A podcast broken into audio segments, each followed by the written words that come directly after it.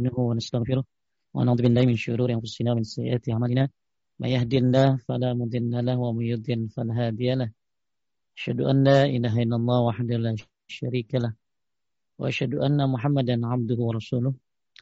اللهم صل على محمد وعلى آل محمد كما صليت على إبراهيم وعلى آل إبراهيم إنك حميد مجيد. وبارك على محمد وعلى آل محمد كما باركت على إبراهيم وعلى آل إبراهيم إنك حميد مجيد Alhamdulillah Bapak Ibu sekalian dimuliakan Allah Subhanahu wa taala khususnya tim dari Majlis Ta'lim Paduka.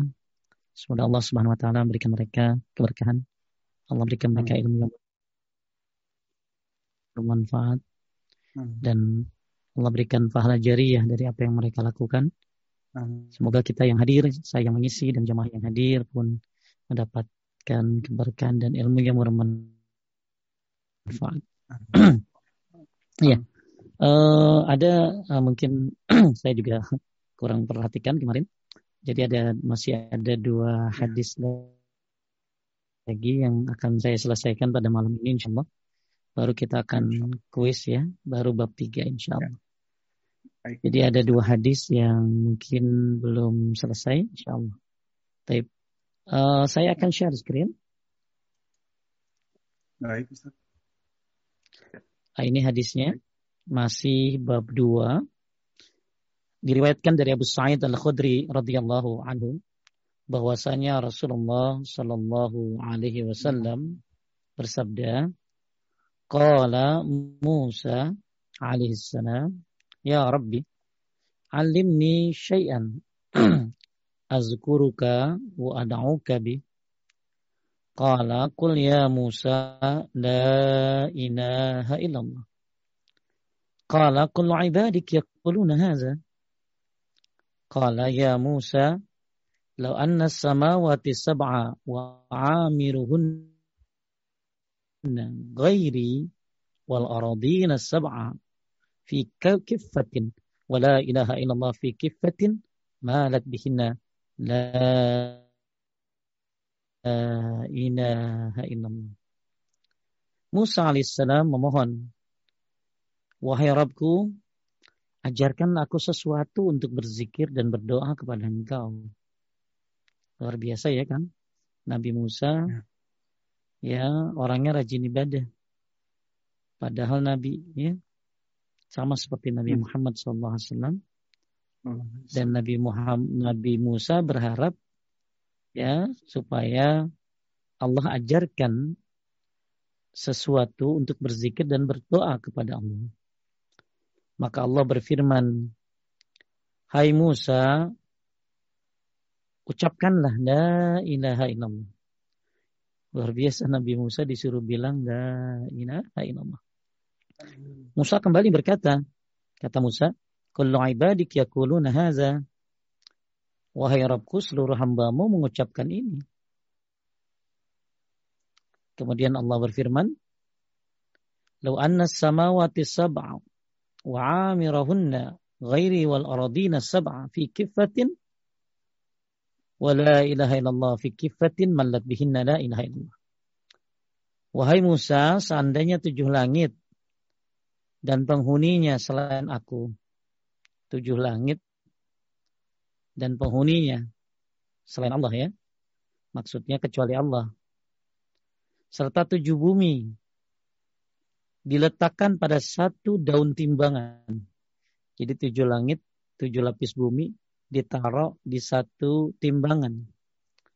Kemudian la ilaha illallah diletakkan pada daun timbangan lainnya, niscaya kalimat la ilaha illallah lebih berat timbangannya. Masya Allah. Ya. Nah, ini sayang banget kalau kita tidak suka zikir la ilaha illallah. Jadi Nabi Musa alaihissalam minta diajarkan kepada Allah. Ya, berarti Kang namanya ibadah yang nggak bisa ngarang. Ya, Nabi Musa kan nabi ya. Punya hak bu, bu istilahnya Nabi Musa nabi gitu ya. Ternyata Nabi aja nggak bisa bikin-bikin ibadah. Karena ibadah itu memang disyariatkan dari Allah ya dan Rasulnya.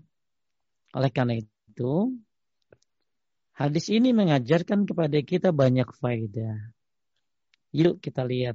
Tapi harus ngerti dulu ya hadisnya. Sebelum kita baca faedah. Jadi Nabi Musa itu minta diajarkan kepada Allah zikir. Ya, zikir dan berdoa. Maka Allah berfirman, katakanlah Musa la ilaha illallah. Jadi Nabi Musa disuruh baca la ilaha illallah. Kemudian Nabi Musa memohon seluruh hamba mengucapkan ini. Maka sebutkan wahai Musa seandainya tujuh langit dan tujuh bumi dalam satu timbangan dan kalimat la ilaha illallah dalam satu timbangan yang lain maka masih berat kalimat la ilaha illallah malat bihin la ilaha illallah. Faidah. Boleh Kang Rashid dibaca? Kita baca hmm. satu-satu ya. Oh, ya. Satu, hadis ini menunjukkan besarnya keutamaan kalimat la ilaha illallah. Karena kalimat tersebut mengandung tauhid dan terkandung pula keikhlasan. Baik, nanti akan saya bahas ini. Ya, betapa banyak sekali keutamaan kalimat la ilaha illallah. Ya, kita kan sudah bahas kemarin itu rukun-rukun ya rukun la ilaha illallah itu nafi dan isbat syarat-syarat la ilaha illallah ya sudah kita bahas ada tujuh ilmu yakin, ikhlas, jujur, patuh, cinta, menerima. Nah, kita belum bahas keutamaan-keutamaan la ilaha illallah. Ya, keutamaan-keutamaannya apa saja.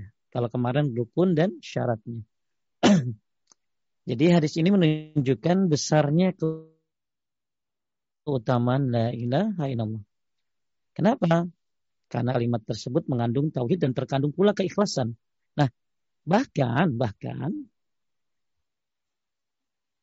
kita lihat di sini dari buku yang bagus sekali. Bahkan di sini disebutkan bahwa kalimat la ilaha illallah adalah kalimat yang paling tinggi.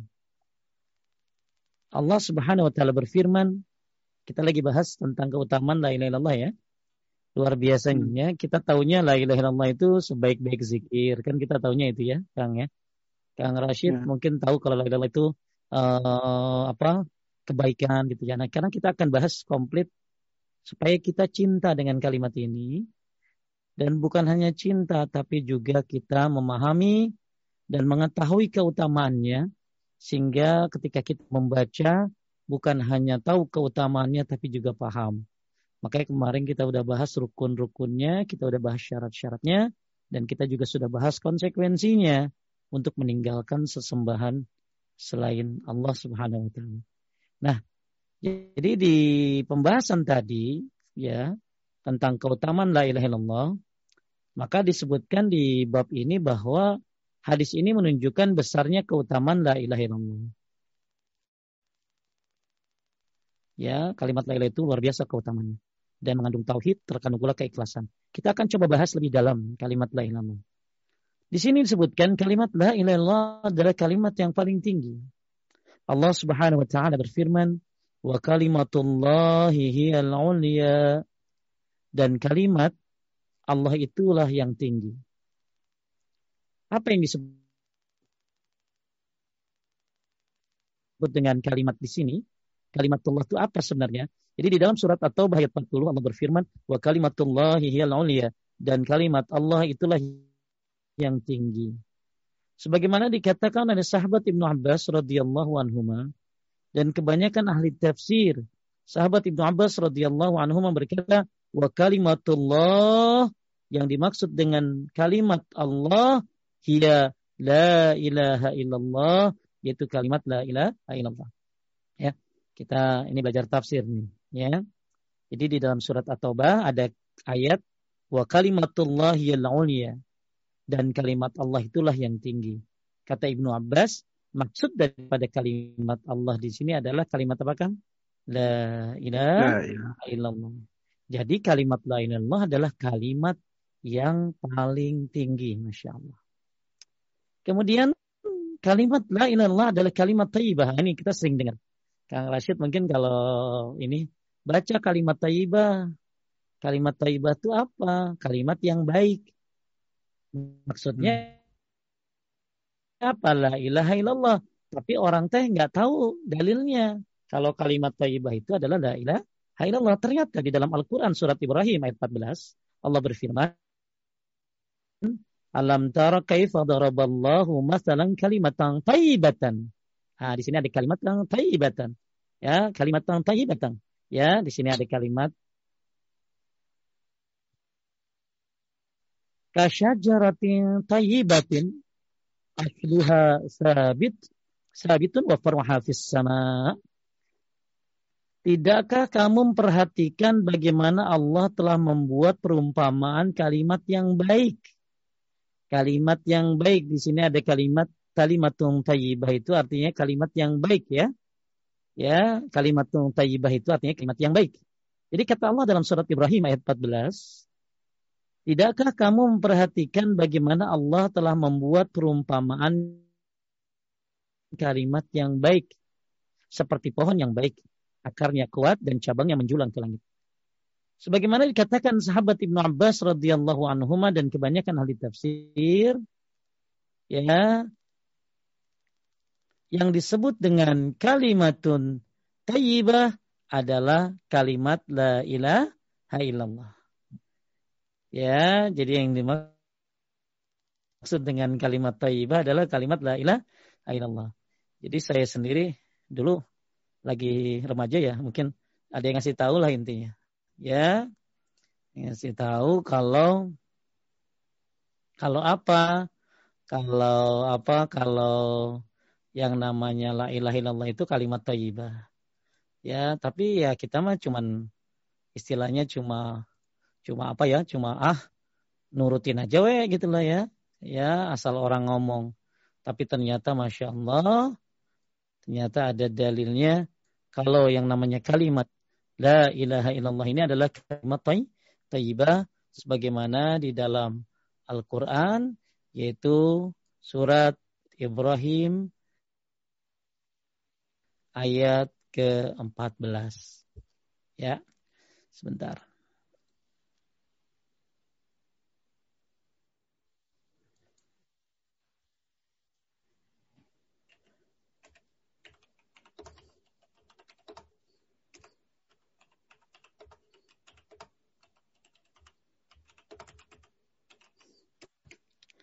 Ya. Baik. Kita lanjutkan. Selanjutnya jadi poin yang kedua bahwa kalimat la ilaha illallah adalah kalimat apa tadi? Tayyibah. Apa tuh tayyibah tuh? Kalimat yang baik. Ya. Kalau tadi kan kita bicara tentang hadis bagaimana Nabi Musa dikasih tahu bahwa seluruh manusia ngucapin la ilaha illallah. Nah, berarti kalimat la ilaha itu luar biasa. Dan ternyata kalimat la ilaha itu keutamannya dia adalah kalimat yang paling tinggi dan dia juga termasuk kalimat thayyibah. Kemudian ya kalimat syahadat ya ya kalimat syahadat termasuk kalimat la ilaha illallah adalah kaulus sabit. Ucapan yang teguh. Jadi dalam Al-Quran surat Ibrahim ayat 27 Allah subhanahu wa ta'ala berfirman yusabbitullahu alladhina amanu bil qawli tsabit fil hayati dunya wa fil akhirah. Allah meneguhkan iman orang-orang yang beriman dengan ucapan yang teguh di dunia dan di akhirat. Imam Taus menafsirkan bahwasanya qaulus sabit adalah kalimat la ilaha illallah. Cuman kebanyakan orang kalau ngucapin la ilaha illallah kan bilangnya tahlil ya, tahlil. Tahlil itu yang namanya tahlil itu yang la ilaha illallah ya. Uh, kalimat tayyibah tadi udah kalimat ya. Nah sekarang ada kaulus sabit. Apa arti kaulus sabit? Ucapan yang teguh. Berdasarkan Ibrahim ayat 27 bahwa kalimat yusabbitullah alladhina amanu bil kaulis sabit Allah meneguhkan orang beriman dengan ucapan yang teguh. Maksudnya adalah kalimat la ilaha illallah. Iya. Jadi Bapak Ibu sekalian ikan Allah, keutamaan la ilaha illallah ya dia juga disebut dengan ucapan yang teguh. Ucapan yang teguh. La ilaha illallah. Kemudian kalimat la ilaha illallah adalah nikmat paling agung yang Allah Ta'ala karuniakan kepada hamba-hambanya. Yaitu dengan berikan petunjuk kepadanya. Allah Subhanahu Wa Ta'ala berfirman, Yunazzilul malaikata birruhi min amrihi ala man yasha'u min ibadihi an anziru annahu la ilaha illa ana fattakun. Boleh dibacakan Mas? Ya, dia menurunkan para malaikat membawa wahyu dengan perintahnya kepada siapa yang dia kehendaki.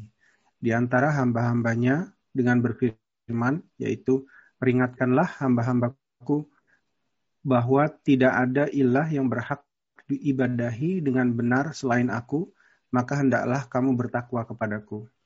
Masya Allah. Jadi kalimat la ilaha adalah nikmat Allah paling agung yang Allah karuniakan kepada hambanya. Dengan cara apa? Yaitu dengan memberikan petunjuk kepada kepada kepada hambanya. Ini disebutkan bahwa dia menurunkan para malaikat membawa yun yang perintahkan bersiapa yang kehendaki di antara hambanya. Kita lihat ya, ini poin yang uh, selanjutnya. Jadi kalimat la ilaha adalah nikmat Allah paling agung yang Allah karuniakan kepada hamba-hambanya itu dengan memberikan petunjuk kepadanya. Nah, di sini kan ada kalimat annahu la ilaha illa ana fattakun. Peringatkanlah hambaku bahwa tidak ada ilah yang berhak diibadahi dengan benar selain aku. Maka hendaklah kamu bertakwa kepadaku. Kemudian kalimat la ilaha illallah adalah urwatul uthqa, tali yang sangat kokoh. Wa may yakfur bil taguti فمن يكفر بالطاغوت ويؤمن بالله فقد استمسك بالعروة الوثقى لا انفصام لها والله سميع عليم Artinya kan? Barang siapa ingkar kepada Togut dan beriman kepada Allah, maka sungguh dia telah berpegang teguh pada tali yang sangat kuat, yang tidak akan putus. Allah itu maha mendengar, maha mengetahui. Yang dimaksud dengan yang al urwatul wudsko adalah kalimat tauhid la ilaha illallah sebagaimana yang dilakukan oleh Said bin Jubair dan Ad-Dahak radhiyallahu Ad-Dahak Jadi kalimat la ilaha illallah adalah urwatul wusqa. Apa? Kalimat la ilaha illallah adalah urwatul wusqa. Apa tuh? Tali yang sangat kuat. Tali yang sangat kokoh. Itu namanya kalimat la ilaha illallah. Surat Al-Baqarah ayat 256. Kemudian juga kalimat la ilaha adalah perjanjian yang Allah Ta'ala firmankan. Allah Subhanahu wa taala berfirman la yamlikuna syafa'ata illa man ittakhadha rahmani ahda. Maka tidak berhak mendapat syafaat atau pertolongan kecuali orang yang telah mengadakan perjanjian di sisi Allah yang Maha Pengasih. Mengenai ayat ini Ibnu Abbas radhiyallahu anhu mengatakan perjanjian itu ialah persaksian bahwa tidak ada ilah yang berhak diibadahi dengan benar selain Allah, melepaskan diri dari daya upaya kecuali dengan pertolongan Allah dan tidak mengharap kecuali kepada Allah. Jadi Bapak Ibu sekalian menaikkan oleh Allah Subhanahu wa taala di surat Maryam ayat 87 Allah berfirman, mereka tidak berhak mendapat pertolongan mendapat syafaat kecuali ya kecuali orang yang telah mengadakan perjanjian di sisi Allah. Ya, apa sih siapa yang jadi siapa yang mengadakan perjanjian di sisi Allah yang Maha Pengasih? Apa maksud daripada perjanjian di sini? Maksud perjanjian di sini kata Ibnu Abbas adalah kalimat la ilaha illallah, yaitu siapa yang bersaksi bahwa tidak ada ilah yang berhak diibadahi benar dengan benar selain Allah. Jadi Bapak Ibu sekalian Allah, la yamlikuna syafaat, tidak berhak mendapatkan syafaat kecuali orang yang mengadakan perjanjian di sisi Allah yang Maha Pengasih. Apa yang dimaksud dengan perjanjian di sini?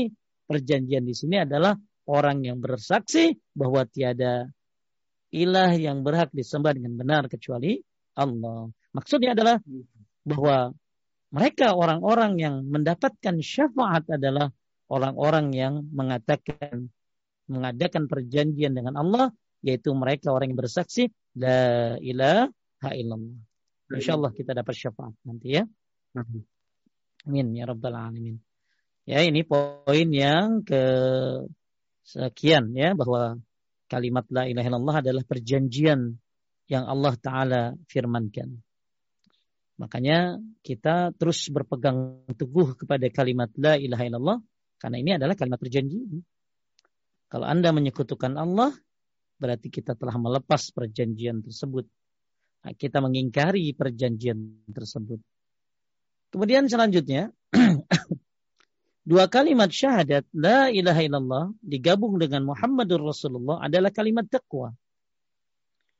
Sebagaimana firman Allah wa alzamahum kalimat taqwa wa kanu ahaqqa biha wa ahlaha dan Allah mewajibkan kepada mereka tetap taat menjalankan kalimat takwa dan mereka lebih berhak dengan itu dan patut memilikinya. Al-Fath ayat 26. Al-Hafiz Ibn Kathir rahimahullah berkata kalimat takwa, kalimat takwa yaitu la ilaha illallah Muhammadur Rasulullah. Jadi kalau ada yang kita, kita kalau kita lihat di dalam Al-Qur'an surat Al-Fath ini ada kalimat ada kalimat kalimat taqwa. Kalimat taqwa. Apa itu kalimat taqwa? Kata Ibnu Katsir yang disebut dengan kalimat taqwa adalah la ilaha illallah Muhammadur Rasulullah. Kemudian kalimat la ilaha illallah adalah kalimat yang kekal yang ditinggalkan oleh Nabi Ibrahim alaihissalam alaihissalatu wassalam kepada anak cucunya.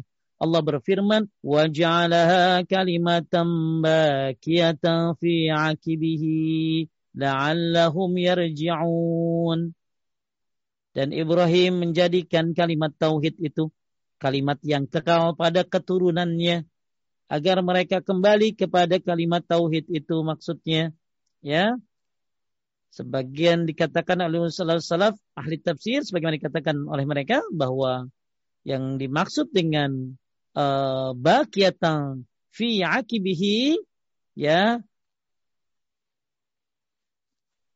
menjadikan kalimat baqiyatan ya kalimat apa tuh kalimat yang kekal maka kalimat lain adalah kalimat yang kekal yang ditinggalkan Nabi Ibrahim alaihissalam kepada anak cucunya makanya kita ikutin juga ya Kang ya kita wariskan juga kalimat la ilaha illallah ini kepada anak cucu kita agar mereka bertauhid kepada Allah Subhanahu wa taala tidak menyekutukannya ya agar mereka belajar tauhid dengan benar.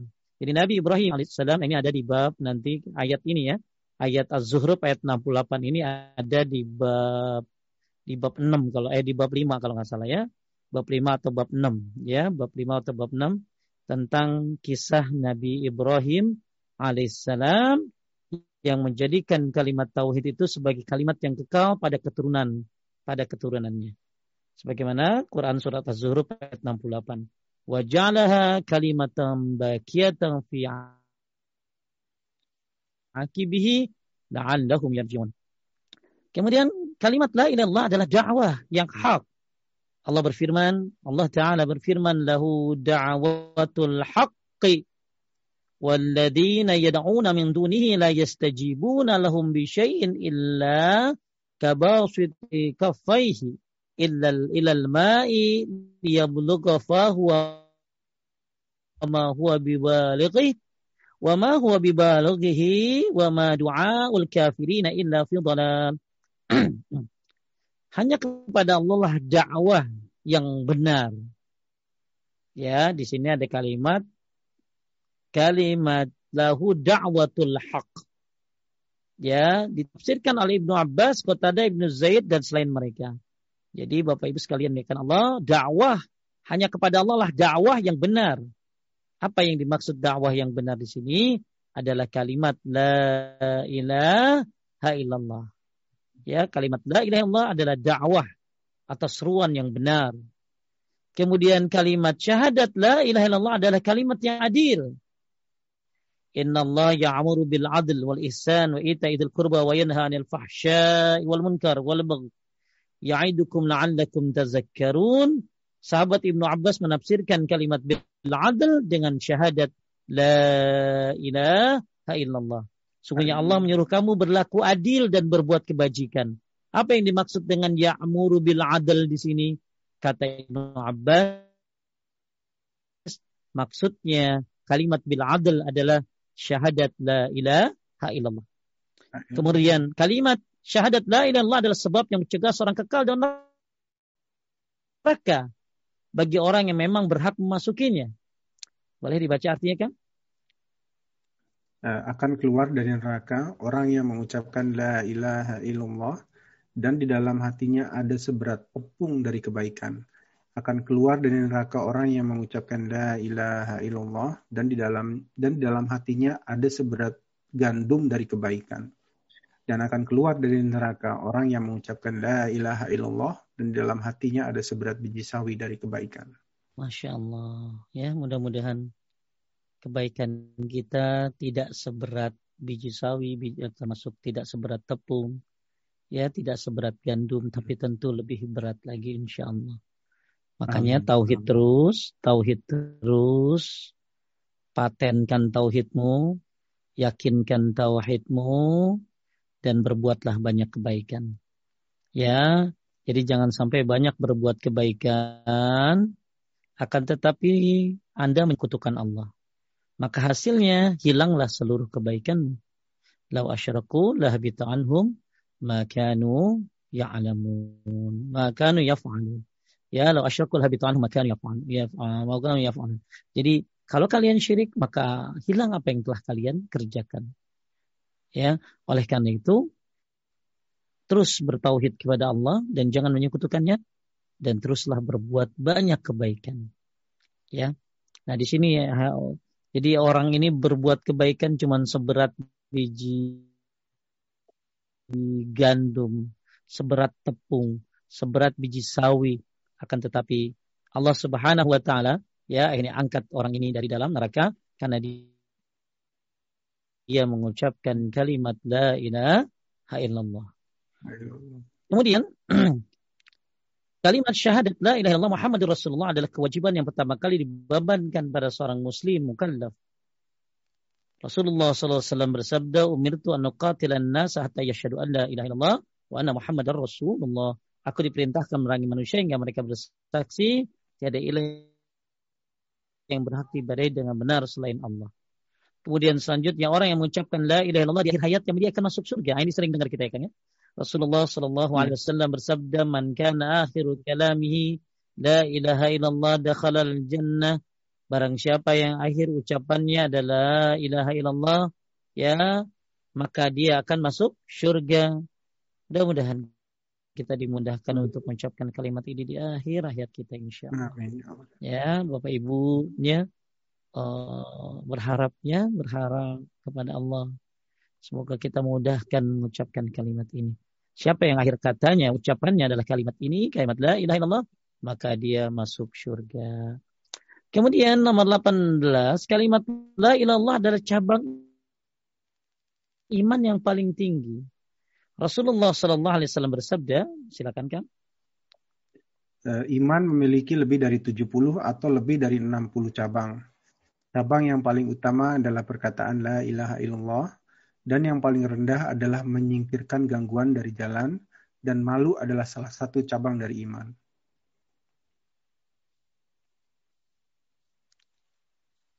Nah, di sini cabang yang jadi iman ini memiliki 70 atau lebih 60 cabang. Cabang yang paling utama adalah perkataan la ilaha illallah. Jadi kalimat la ilallah, la ilaha illallah adalah cabang iman yang paling tinggi.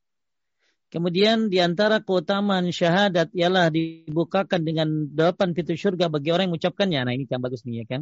Jadi Rasulullah Sallallahu Alaihi Wasallam bersabda tidaklah seorang dari kalian berwudu lalu menyempurnakan wudunya kemudian mengucapkan. Nah ini dibarengi dengan syahadat. Asyhadu an la ilaha illallah wahdahu la syarikalah wa asyhadu anna Muhammadan abduhu wa rasuluh. Siapa yang baca ini habis apa Kang? Siapa yang baca ini habis wudu? Ya, habis wudu. Ya siapa yang baca ini habis wudhu melainkan Allah akan membukakan untuknya delapan pintu surga dia boleh memasuki dari pintu mana saja yang dia mau. Ya nih jangan lupa habis wudhu ya karena mungkin banyak air dia pakai anduk dia lupa doanya. Ya jadi jangan lupa habis wudhu baca asyhadu an la ilaha illallah wahdahu syarikalah wa asyhadu anna muhammadan abduhu wa rasuluh. Ya maka asyhadu an la syarikalah wa asyhadu anna Muhammadan abduhu wa rasuluh maka dia dibukakan pintu surga yang delapan. Ya Allah, Masya Allah. Kemudian kalimat syahadat adalah kebaikan yang paling baik Diriwayatkan dari Abu Zar, ia berkata, Wahai Rasulullah, berilah wasiat. Beliau sallallahu alaihi wasallam bersabda, Iza amilta sayyatan fa'at biha hasanatan tamhuha. Apabila engkau melakukan suatu kejelekan, irikanlah dengan kebaikan, saya akan menghapuskannya. Dia berkata, apakah la ilaha illallah termasuk kebaikan? Beliau menjawab, ya afdalul hasanat, ia adalah kebaikan yang paling baik. Jadi kalau akan baca la ilaha illallah, itu termasuk kebaikan yang paling baik. Afdalul hasanat. Jadi kalimat la ilaha illallah adalah kebaikan yang paling baik. Jadi Nabi nyuruh Muaz uh, Nabi nyuruh kepada Abu Zar radhiyallahu an ya memberikan wasiat wahai Rasulullah berilah aku wasiat maka Nabi mengajarkan apabila engkau melakukan suatu kejelekan iringilah dengan kebaikan niscaya ia akan menghapuskan makanya kita disuruh banyak berbuat kebaikan supaya menghapuskan dosa-dosa nah ini Abu Zar bilang apakah la ilaha illallah itu termasuk kebaikan? Apakah dengan saya mengucapkan la ilaha illallah maka itu termasuk kebaikan? Maka beliau menjawab, ya afdalul hasanat, ia adalah kebaikan yang paling baik. Masya Allah. Ya. Kemudian kalimat la ilaha lebih berat dalam timbangan daripada tujuh lapis langit dan bumi. Masya Allah. Ya. Nah ini. Ya. Nah ini yang tadi kita apa hampir ini ya bersama di sini nih. Aku merintahkan dirimu dengan la ilaha illallah. Diriwayatkan dari Abdullah bin Amr radhiyallahu dari Nabi sallallahu alaihi wasallam bahwa Nabi Nuh Nabi Nuh kan, ya, kata tadi kan Nabi Musa ya. Nabi Nuh alaihissalam ya. ketika hendak meninggal dunia berkata kepada anaknya. Apa kata Nabi Nuh? Lanjutkan. Aku memerintahkan dirimu dengan la ilaha illallah. Tidak ada ilah yang berhak diibadahi dengan benar selain Allah. Karena apabila tujuh lapis langit dan bumi diletakkan pada satu daun timbangan, dan la ilaha illallah diletakkan pada daun timbangan yang lain, maka kalimat la ilaha illallah lebih berat daripadanya. Dan seandainya tujuh lapis langit dan bumi sebagai sebuah lingkaran yang sangat kuat, niscaya la ilaha illallah dapat memecahkannya. Masya Allah. Jadi kalimat la ilaha illallah lebih berat dalam timbangan daripada tujuh lapis langit dan bumi. Sama kayak tadi ya Kang hadisnya ya. Yang Nabi Musa kalau tadi Nabi Musa ya. ya. Nabi Musa uh, disuruh baca la ilaha illallah. Kalau ditimbang langju langit dengan bumi kecuali Allah ya, uh, maka masih berat kalimat la ilaha illallah. Ya, cuman kali ini bukan Nabi Musa kan, ini Nabi Nuh alaihi salam. Ya, kemudian orang yang mengucapkan kalimat syahadat la ilaha illallah dengan ikhlas akan dibukakan baginya pintu-pintu langit hingga mencapai arsh. Masya Allah. Rasulullah Sallallahu Alaihi Wasallam bersabda, Maqala abdun la ilaha illallah qattun mukhlisan illa futihat lahu ababus samai hatta tufdiya ila al-arsh wa majtanabal kabair. Artinya kan? Tidaklah seorang hamba mengucapkan la ilaha illallah, tidak ada ilah yang tidak diibadahi dengan benar selain Allah, dengan ikhlas, melainkan pintu-pintu langit akan dibukakan untuknya hingga mencapai arsh, selama dia menjauhi dosa-dosa besar. Baik. Jadi siapa yang mengucapkan la ilaha illallah ya dengan ikhlas melainkan pintu langit akan dibukakan untuknya hingga mencapai arsh selama dia men jauhi dosa-dosa besar. Allahu Akbar, Allahu Akbar. Masya Allah. Bapak Ibu sekalian kan Allah. Apa yang membuat kita malas mengucapkan la ilaha illallah? Jangan lupa habis maghrib la ilaha illallah wahdahu la syarikalah. Lahul mulku wa lahul hamdu yuhyi wa yumiitu wa kulli syai'in qadir 10 kali. Ya, habis uh, subuh juga sehari Anda boleh baca la ilaha illallah wa la syarikalah mulku alhamdulillah syai'in qadir 100 kali. Ya, Anda boleh baca la ilallah sebanyak-banyak silakan. Habis sholat subhanallah 25 alhamdulillah 25 Allah akbar 25 la ilaha illallah 25. Itu hadis riwayatkan Muslim. Kalau Anda mau baca la ilaha illallah itu berarti pakai yang subhanallah. Biasanya kan kalau kita baca subhanallah 33 alhamdulillah 33 Allah akbar 33 ditutup dengan la ilaha illallah adalah syarikalah lahul mulku alhamdulillah qadir. Itu kan cuma satu la ilaha di situ. Tapi kalau mau banyak ya baca subhanallah 25 alhamdulillah 25 Allah akbar 25 la ilaha illallah 25. Itu juga termasuk sunnah dibaca di salat. Ya, masya Allah. Mudah-mudahan Bapak Ibu semuanya dengan membahas ini Anda jadi senang ya baca la ilaha illallah. Gimana, Kang Rashid? Mau baca yang banyak? Masya Allah nih ya. Bayangin keutamaannya. Ya, kita tahu keutamaannya cuma kalimat toibah doang. Ya. Padahal ini adalah kalimat dengan nya. Ya, pintu langit akan dibukakan untuknya hingga mencapai arsh. Selama dia menjauhi dosa-dosa besar. Kemudian orang yang ketika sakit mengucapkan syahadat la ilaha illallah. Lalu dia meninggal dunia maka dia tidak akan disentuh api neraka. Nah, ini Kang bagus amal ini Kang. Ya, baca ini nih. Hmm. Kalau enggak baca sebulan sekali, seminggu sekali, sehari sekali. Ya, la ilaha illallah wallahu akbar, la ilaha illallah wahdah, la ilaha illallah wahdahu la syarikalah, la ilaha illallah lahul mulku wa lahul hamdu, la ilaha illallah wala haula wala quwata illa billah. mungkin Kang Rashid belum baca nih ini ya. Nah, ini buat semuanya yang belum pernah baca ini, ini amalkan. Ya ini kalimat bagus dibaca. Rasulullah Shallallahu Alaihi Wasallam bersabda, barang siapa yang mengucapkan kalimat ini, La ilaha illallah wallahu akbar. La ilaha illallah wahdahu la syarikalah. La ilaha illallah wahdah. La ilaha illallah wahdahu la syarikalah. La ilaha illallah lahul mulku wa lahul hamdu. La ilaha illallah wa la hawla wa la quwata illa billah. Saya ulangi. Yuk baca ya. La ilaha illallah wallahu akbar. La ilaha illallah wahdahu la, la ilaha illallah wahdah. La ilaha illallah wahdahu la syarika lah. La ilaha illallah lahul mulku wa lahul hamdu. La ilaha illallah wa la hawla wa la quwata illa billah. Sekali lagi. La ilaha illallah wallahu akbar. La ilaha illallah wahdah. La ilaha illallah wahdahu la syarika lah.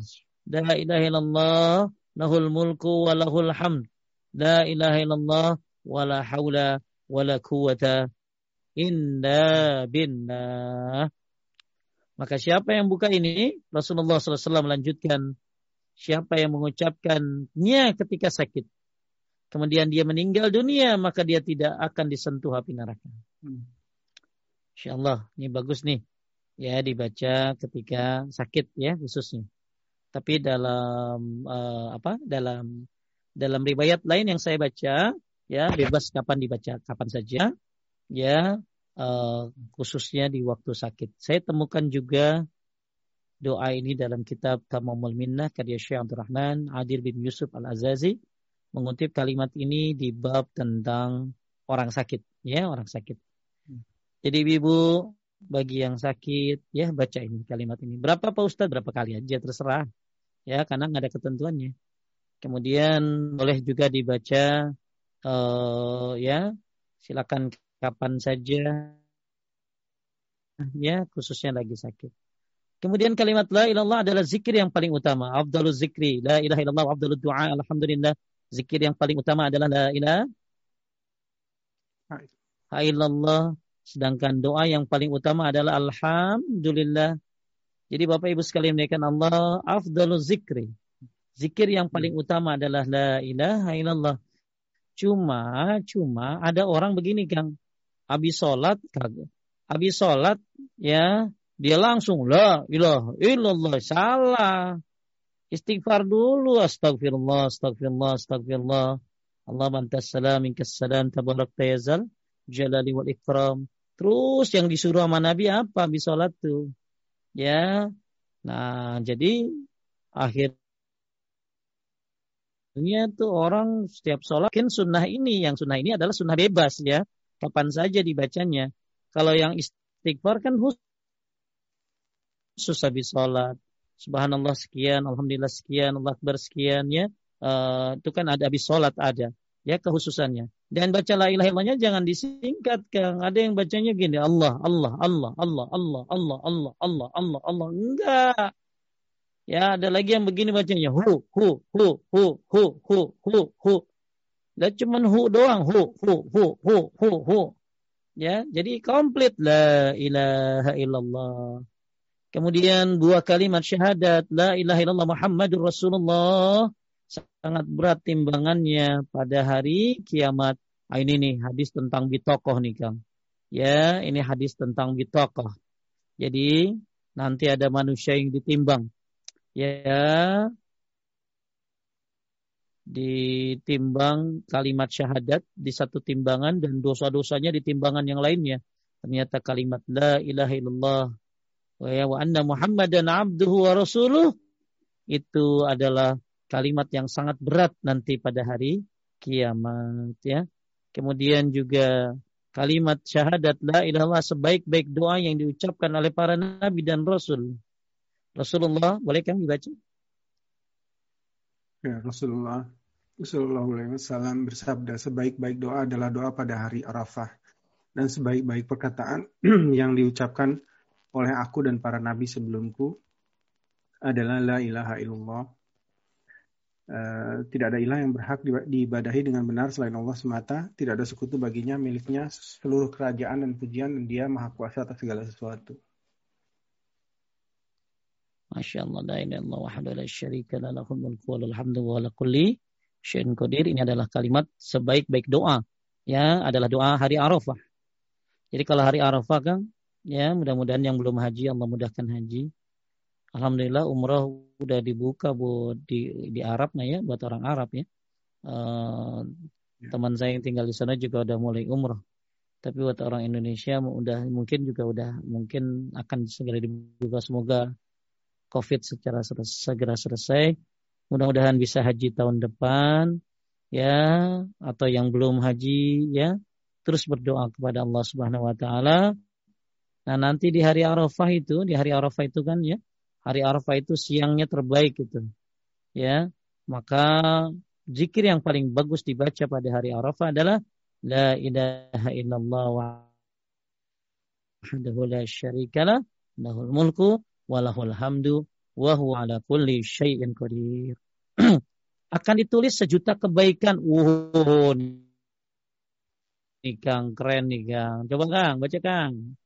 Nih ibu-ibu seneng nih, ya seneng nih ibu-ibu nih. Terus. Tidak ada ilah yang tidak ada ilah yang berhak diibadahi dengan benar selain Allah semata. Tidak ada sekutu baginya, miliknya kerajaan dan pujian. Dialah yang menghidupkan dan mematikan dan dia yang maha hidup tidak akan mati, segala kebaikan berada di tangannya dan dia maha kuasa atas segala sesuatu. Ini maksudnya. Jadi gini, siapa yang masuk pasar?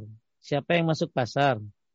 Rasulullah Shallallahu Alaihi Wasallam bersabda, barang siapa yang masuk pasar, ya hmm. kalau akang semuanya jamaah, ya mungkin di masa normal ya, masuk pasar ya atau mungkin pokoknya masuk supermarket, masuk mall ya, kemudian mengucapkan la ilaha illallah wahdahu la syarikalah begitu masuk Kang.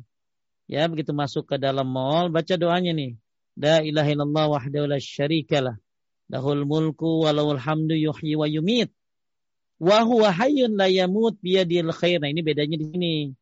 Kalau ibu-ibu kan apalnya la ilaha illallah wahdahu la syarikalah lahul mulku walhamdu yuhyi wa yumit wa ala kulli syai'in qadir. Kalau di sini enggak ada tambahan nih kalau masuk pasar nih.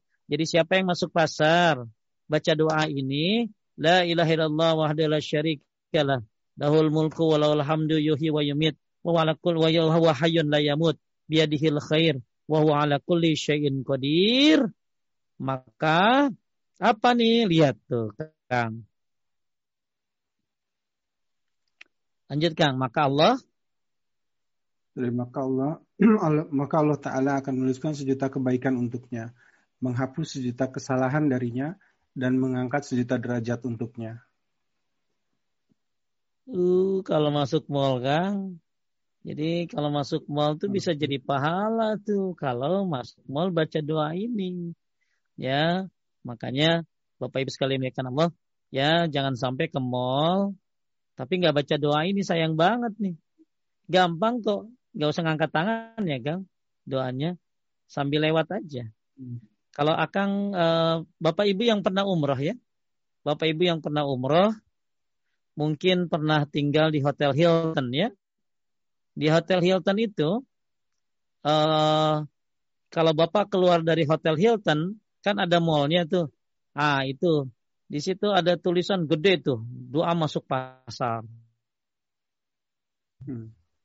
Atau kalau bapak dari Masjidil Haram, bapak ibu keluar dari Masjidil Haram, pengen masuk hotel Hilton, ya, pengen masuk hotel Hilton, Hilton yang lama ya, hmm. yang sekarang udah diganti namanya. Kalau nggak salah dinamain apa sekarang tuh, lupa ya. Uh, jadi kalau bapak ibu keluar dari Masjidil Haram, kemudian mau masuk hotel Hilton yang lama, Mercure kalau nggak salah namanya sekarang ya, lupa. Nah itu sebelum masuk mall itu ada tulisan gede tuh di depan hotel Hilton tuh doa masuk pasar. La ilaha illallah wahdahu la syarikalah. Lahul mulku wa lahul hamdu yuhyi wa yumit wa wahayun la yamut. Biadihil khair wa wala kulli syai'in. Gede banget kan. Tapi sayangnya kan jarang ada yang baca. Padahal udah ada tulisan gede di, di atasnya. Kenapa? Karena mungkin orang kita asal ada tulisan Arab di atas pintu, disangkain assalamualaikum meren gitu ya. Ya, jadi asal ada tulisan Arab di atas pintu, disangkain assalamualaikum. Padahal itu doa masuk pasar. Yang di dalamnya ada kalimat La ilaha illallah wahdahu la syarikalah lahul mulku wa lahul hamdu yuhyi wa yumit wa wahayyun la yamut biyadihil khair wa la kulli syai'in qadir. Siapa yang baca itu sejuta kebaikan untuknya, dihapus sejuta kesalahan dan diangkat sejuta derajat untuknya. Masya Allah. Ya. Kemudian Bapak Ibu sekalian lihatkan Allah ya. Ya, siapa yang baca la ilaha illallah syarikalah mulku alhamdulillah kulli syai'in qadir dalam sehari sebanyak 100 kali, maka ia memperoleh pahala merdekakan 10 hamba sahaya, dituliskan 100 kebaikan baginya, dihapuskan 100 kesalahan darinya, dia mendapatkan perlindungan dari syaitan pada hari itu sampai sore hari dan tidak ada seorang pun dapat melakukan yang lebih utama daripadanya kecuali orang yang melakukan lebih banyak daripada itu. Kemudian nomor 29, orang yang mengucapkan kalimat la adalah orang yang beruntung, sukses dan bahagia. Dari Rabi'ah ibadin Adili radhiyallahu anhu dia berkata, aku melihat Rasulullah sallallahu alaihi wasallam dengan kedua mataku di pasar Zilmajaj. Beliau sallallahu alaihi wasallam bersabda, "Ya ayuhan nas, qulu la ilaha illallah tuflihu." Wahai sekalian manusia, ucapkanlah la ilaha illallah kata Nabi, niscaya kalian akan beruntung. Siapa yang mengucapkan kalimat la ilaha illallah adalah Insyaallah Allah akan berikan keberuntungan, kesuksesan dan kebahagiaan. Ya, maka jangan pernah tinggalkan zikir la ilaha illallah. Bata, bisa banyak ya, ada la ilaha syarikalah ya. Wah, banyak deh habis sholat ya, banyak zikir-zikir. Ya, ada yang bersifat bebas juga ya. Anda mau baca kapan aja ya, misalnya la sebanyak-banyak silakan.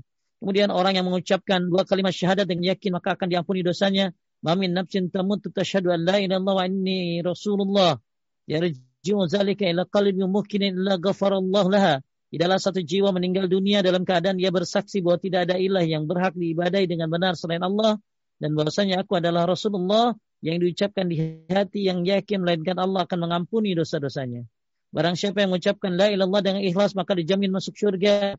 Man syahida an la ilaha illallah muhlisan fi qalbihi dakhala jannah. Siapa yang bersaksi bahwa tidak ada ilah yang berhak diberi dengan benar Allah dan dari hatinya, ikhlas dari hatinya, maka dijamin surga. Kemudian 32 orang yang paling bahagia dengan sahabat Nabi, syafaat Nabi pada hari kiamat adalah orang yang mengucapkan la ilaha ikhlas dari hatinya.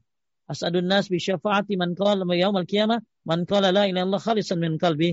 Orang yang paling bahagia dengan syafaat pada hari kiamat adalah orang yang mengucapkan la ilaha illallah tulus ikhlas dari hatinya.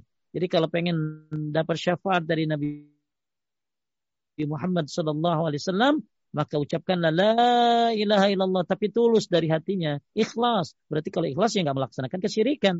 Kemudian kalimat syahadat sebab dikabulkannya doa diriwayatkan di Abdullah bin Buraidah al-Aslami dari ayahnya ia mengatakan Rasulullah SAW mendengar seorang berdoa dan mengucapkan Allahumma inni as'aluka bi anni asyhadu annaka antallahu la ilaha illa anta al-ahadus samad alladhi lam yalid wa lam yulad wa lam yakul lahu kufuwan ahad Kemudian Rasulullah bersabda, demi Allah yang jiwaku berada di tangannya, sungguhnya telah memohon kepada Allah dengan nama yang paling agung. Yang apabila dia berdoa dengannya, dia akan dikabulkan. Dan apabila diminta dengannya, maka dia akan memberi. Di sini doa ini bagus dibaca sebelum salam termasuk ini ya. Allahumma inni as'aluka bi anni asyhadu annaka antallahu la ilaha illa anta. Al-ahadus samad alladhi lam yalid wa lam yulad wa lam yakul lahu kufuwan ahad. Siapa yang baca ini ya maka apa Allah akan mengabulkan apa yang diminta. Masya Allah. Kemudian kalimat syahadat adalah sebab terbesar untuk terhindar dari kesulitan di dunia dan akhirat. Serta mencegah akibat buruk dari dari buruk dari keduanya. Fanada fi dhulumati an la ilaha illa anta subhanaka inni kuntu minadh zalimin. Ini kisah Nabi Yunus waktu di perut ikan ikan. Paus mengucapkan apa? La ilaha illa anta. La ilaha illa anta. Ya. Subhanaka inni kuntu minadh zalimin. Ya, inilah Nabi Yunus. Jadi siapa yang baca ini kalimat la ilaha illallah, baca kalimat la ilaha illa anta subhanaka inni kuntu minadh zalimin, Allah akan hindari kita dari kesulitan di dunia dan akhirat. Maka kita masih tetap masih sekedang sekarang berada dalam kesulitan. Yuk perbanyak kalimat la ilaha illa anta subhanaka inni kuntu minadh zalimin ya. Wah, banyak banget Kang. Total total ada berapa Kang? 34 ya, Masya Allah banyak banget keutamaan la ilaha illallah. Kembali lagi kepada hadis tadi. Ini hadis menunjukkan besarnya keutamaan la ilaha illallah. Kalimat tersebut mengandung tauhid dan terkandung pula keikhlasan. Jadi Nabi Musa alaihissalam disuruh Allah untuk baca la ilaha illallah ya. Dan hadis ini tidak ada di tadi ya, tapi adanya yang kisah Nabi Nuh di apa di pembahasan tadi. Kemudian nomor dua Kang, faedah daripada hadis ini adalah Eh, keutamaan keutamaan keutamaan Nabi Musa alaihissalam juga digambarkan di sini tentang semangat beliau untuk terus mendekatkan diri kepada Allah kepada Allah. Luar biasa ya Nabi Musa udah soleh kan? Masih terus ya masih terus pengen nambah ibadahnya. Kita yang jauh dari soleh tentu lebih layak lagi. Terus ketaatan kita kepada Allah Subhanahu wa taala. Ini Nabi Musa. Nabi Musa ini luar biasa, Kang, ya. Nabi Musa ini kalau dilihat dia termasuk nabi yang menuntut ilmu luar biasa padahal sudah jadi nabi tapi tetap menuntut ilmu. Ya. Coba kita lihat di sini. Ya, qala lahu Musa hal attabi'uka ala an tu'allimani mimma 'allimta rusyda? Musa berkata kepada Khidir, Bolehkah aku mengikutimu supaya kamu mengajarkan kepadaku ilmu? Bayangin, Nabi Musa udah jadi nabi masih belajar kan? Ya, kita kalau udah nggak belajar lagi, masya Allah Nabi bukan orang soleh belum tentu. Maka kita lebih layak lagi untuk menuntut ilmu. Jadi di surat Al-Kahfi ayat 66, Nabi Musa berkata, "Hal attabi'uka ala an tu'allimani an tu'allimani mimma 'allimta rusyda?" Bolehkah aku mengikutimu supaya kamu mengajarkan kepadaku ilmu ilmu yang benar di antara ilmu yang telah diajarkan kepadaku kepadamu. Kita lihat apa kata Imam Asy-Syaukani, lanjutkan. Uh, Al-Imam Asy-Syaukani rahimahullah menukil bahwa Az-Zuzaz berkata, dan pada apa yang dilakukan oleh Musa alaihissalam yang mana beliau termasuk di antara sejumlah nabi yang menuntut ilmu dan rihlah dalam mencari ilmu, hal itu menunjukkan tidak sepantasnya seseorang meninggalkan menuntut ilmu. Rihlah itu apakah? Rihlah, Rihlah itu jalan ya, jalan keluar hmm. ya. Lanjut. Ya, hal itu menunjukkan tidak sepantasnya seseorang meninggalkan menuntut ilmu, meskipun dia telah mencapai puncak dari ilmu, dan hendaklah tawadu terhadap orang yang lebih berilmu darinya. Masya Allah. Nabi Musa, Nabi Musa sudah jadi nabi, ya, hmm. tapi dia tetap menuntut ilmu. Maka kita lebih layak lagi. Apa lagi ilmu tauhid. Meskipun dia sudah mencapai puncak dari ilmu. Ya, itu Nabi Musa alaihissalam. Maka siapa, kata ulama salaf, siapa yang berhenti belajar, maka itu orang bodoh. Siapa yang merasa pintar, itu orang bodoh. Tapi siapa yang terus belajar, dialah orang yang pintar. Ya, nah ini termasuk juga ya Nabi Musa waktu belajar sama Nabi Khidir nih ya. Wa Musa li fatahu la abrahu hatta abluga majma'al bahraini aw amdiya huqaba dan ingatlah ketika Musa berkata kepada muridnya aku tidak akan berhenti sebelum sampai ke pertemuan dua buah lautan atau aku akan berjalan sampai bertahun-tahun sampai perkataan Hidir wa ma fa'altu an amri zalika ta'wilu ma lam sabra jadi bagaimana luar biasanya nih ya? Ya iba faedah dari kisah ini bahwa para hmm. nabi pun juga menuntut ilmu. Ya bahwa jangan sampai kita merasa sombong tidak mau menuntut ilmu padahal orangnya di bawah kita. Pada orang yang di bawah kita. Ya ini intinya uh, bagaimana Nabi Musa alaihissalam uh, terus menuntut ilmu. Maka Di bab dua poin ini kita sedang membahas bagaimana hadis dari Abu Sa'id Al-Khudri radhiyallahu an yang mana Nabi menceritakan tentang Nabi Musa alaihissalam.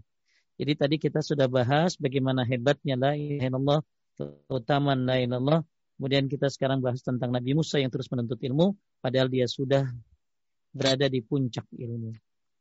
Kemudian nomor tiga Kang lanjut. Nomor tiga, ibadah harus dikerjakan sesuai dengan apa yang telah disyariatkan oleh Allah Subhanahu wa taala dan manusia tidak boleh melakukan suatu ibadah yang baru dari dirinya sendiri.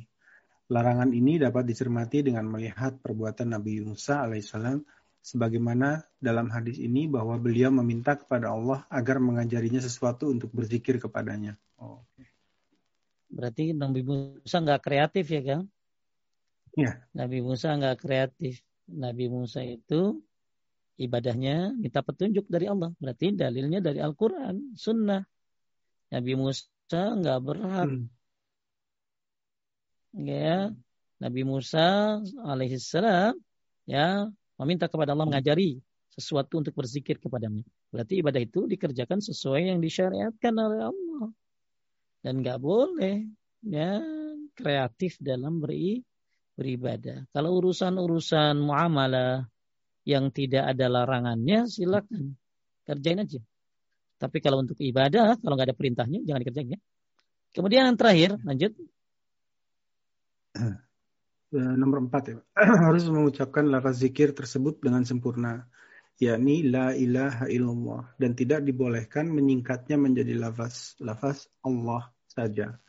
Jadi janganlah Anda meniru-niru perbuatan yang dilakukan oleh orang-orang jahil, bodoh dalam ilmu agama Islam pada zaman kita sekarang. Baik, inilah pembahasan uh, apa uh, kita pada kali ini. Tapi tanggung kita bahas satu lagi. Insya Allah di bulan depan kita masuk pada bab tiga.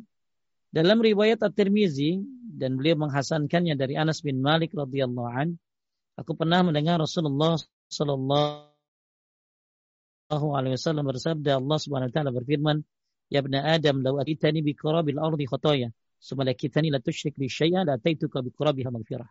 Wahai anak Adam, seandainya kamu datang kepadaku dengan dosa sepenuh bumi, dosanya sepenuh bumi, sedangkan ketika meninggal kamu berada dalam keadaan tidak mempersekutukan aku dengan suatu apa pun, niscaya aku akan berikan kepadamu ampunan sepenuh bumi pula. Ini harapan banget ya buat kita para pendosa ya jangan ada kesyirikan. Maka Allah Subhanahu wa taala akan mengampunkan dosa-dosa kita asalkan tidak ada kesyirikan. Makanya yuk belajar tauhid yang benar agar kita tahu bagaimana hak Allah. Yuk kita belajar tauhid yang benar agar kita tahu apa aja kesyirikan-kesyirikan. Yuk kita belajar tauhid yang benar agar tambah keyakinan, ketawakalan kepada Allah Subhanahu wa taala. Maka ini berita yang sangat gembira banget ya. Ya, buat anak manusia, khususnya buat para pendosa. Ya, untuk apa?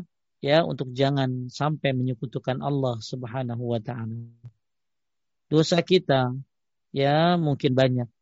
Tapi Masya Allah, Allah bisa ampuni kalau tidak menyekutukan Allah Subhanahu wa taala. Kita lihat faedahnya, syarahnya. Hadis ini menunjukkan bahwa orang yang menjauhi segala jenis kesyirikan akan dihapuskan dosa-dosa besarnya. Sama dengan orang yang menjauhi dosa-dosa besar, dosa-dosa kecil ini akan dihapuskan. Sebagaimana firman Allah, "In tajtanibu kaba'ira ma anhu nukafir ankum sayiatikum." Jika kamu menjauhi dosa-dosa besar di antara dosa-dosa yang dilarang mengerjakannya, niscaya akan hapus kesalahan. Jadi Bapak Ibu sekalian ya Allah, hadis tadi yang kita bacakan, ya, ya buat jadi siapa yang menjauhi segala jenis kesyirikan. Pokoknya kita jauhin tuh semua kesyirikan. Maka Allah akan hapuskan dosa-dosa besar kita. Ya Allah ya Rahman. Yuk ya jauhi kesyirikan. Kan syirik itu ada dua. Ada yang besar, ada yang kecil. Udah kita bahas tuh. Kita harus tahu yang besar apa, yang kecil apa. Ya, yang kecil jangan dikerjain, apalagi yang besar. Maka siapa yang menjauhi segala jenis kesyirikan, ya Allah akan hapuskan dosa-dosa besarnya. Sama dengan orang yang menjauhi dosa-dosa besar. Allah akan jauh, Allah akan hapuskan dosa-dosa kecilnya.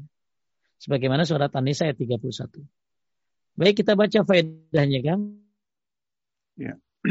ya, satu. yang pertama ya tak satu keutamaan dan melimpahnya pahala tauhid dijelaskan pada hadis ini. nah, yang kedua, luasnya karunia Allah Subhanahu wa taala, kedermawanannya, rahmat serta ampunannya. Eh, ketiga, bantahan atas orang khawarij yang mengkafirkan para pelaku dosa besar yang posisi dosa-dosa mereka berada di bawah dosa perbuatan syirik. Yang keempat, penetapan sifat kalam atau berbicara bagi Allah Azza wa sesuai dengan keagungannya. Penetapan tentang akan adanya hari kebangkitan, perhitungan, dan pembalasan. Ya, inilah akhir daripada bab 2. Ya, bab 2 hadis ini menceritakan tentang bagaimana Masya Allah, luarnya hebat biasanya tauhid ini. Ternyata dengan tauhid yang benar, menjauhi dari kesyirikan, Allah bisa ampuni dosa-dosa kita. Ya. Kemudian juga bagaimana dermawannya Allah. Ya, sampai ada orang berkata begini, ada orang salafus saleh mengatakan, "Ya Allah, ampunilah aku dengan sedikit dari ampunilah dosa-dosaku dengan sedikit dari ampunan." Maksudnya apa? Ya, dosa-dosa kita yang begitu banyak ini bisa hapus dengan sedikit dari ampunan Allah saja. Ya, makanya salah satu hal yang harus kita lakukan untuk dihapuskan dosa-dosa besar kita itu dengan cara menjauhi kesyirikan dan belajar tauhid. Ya, kemudian jalankan tauhid.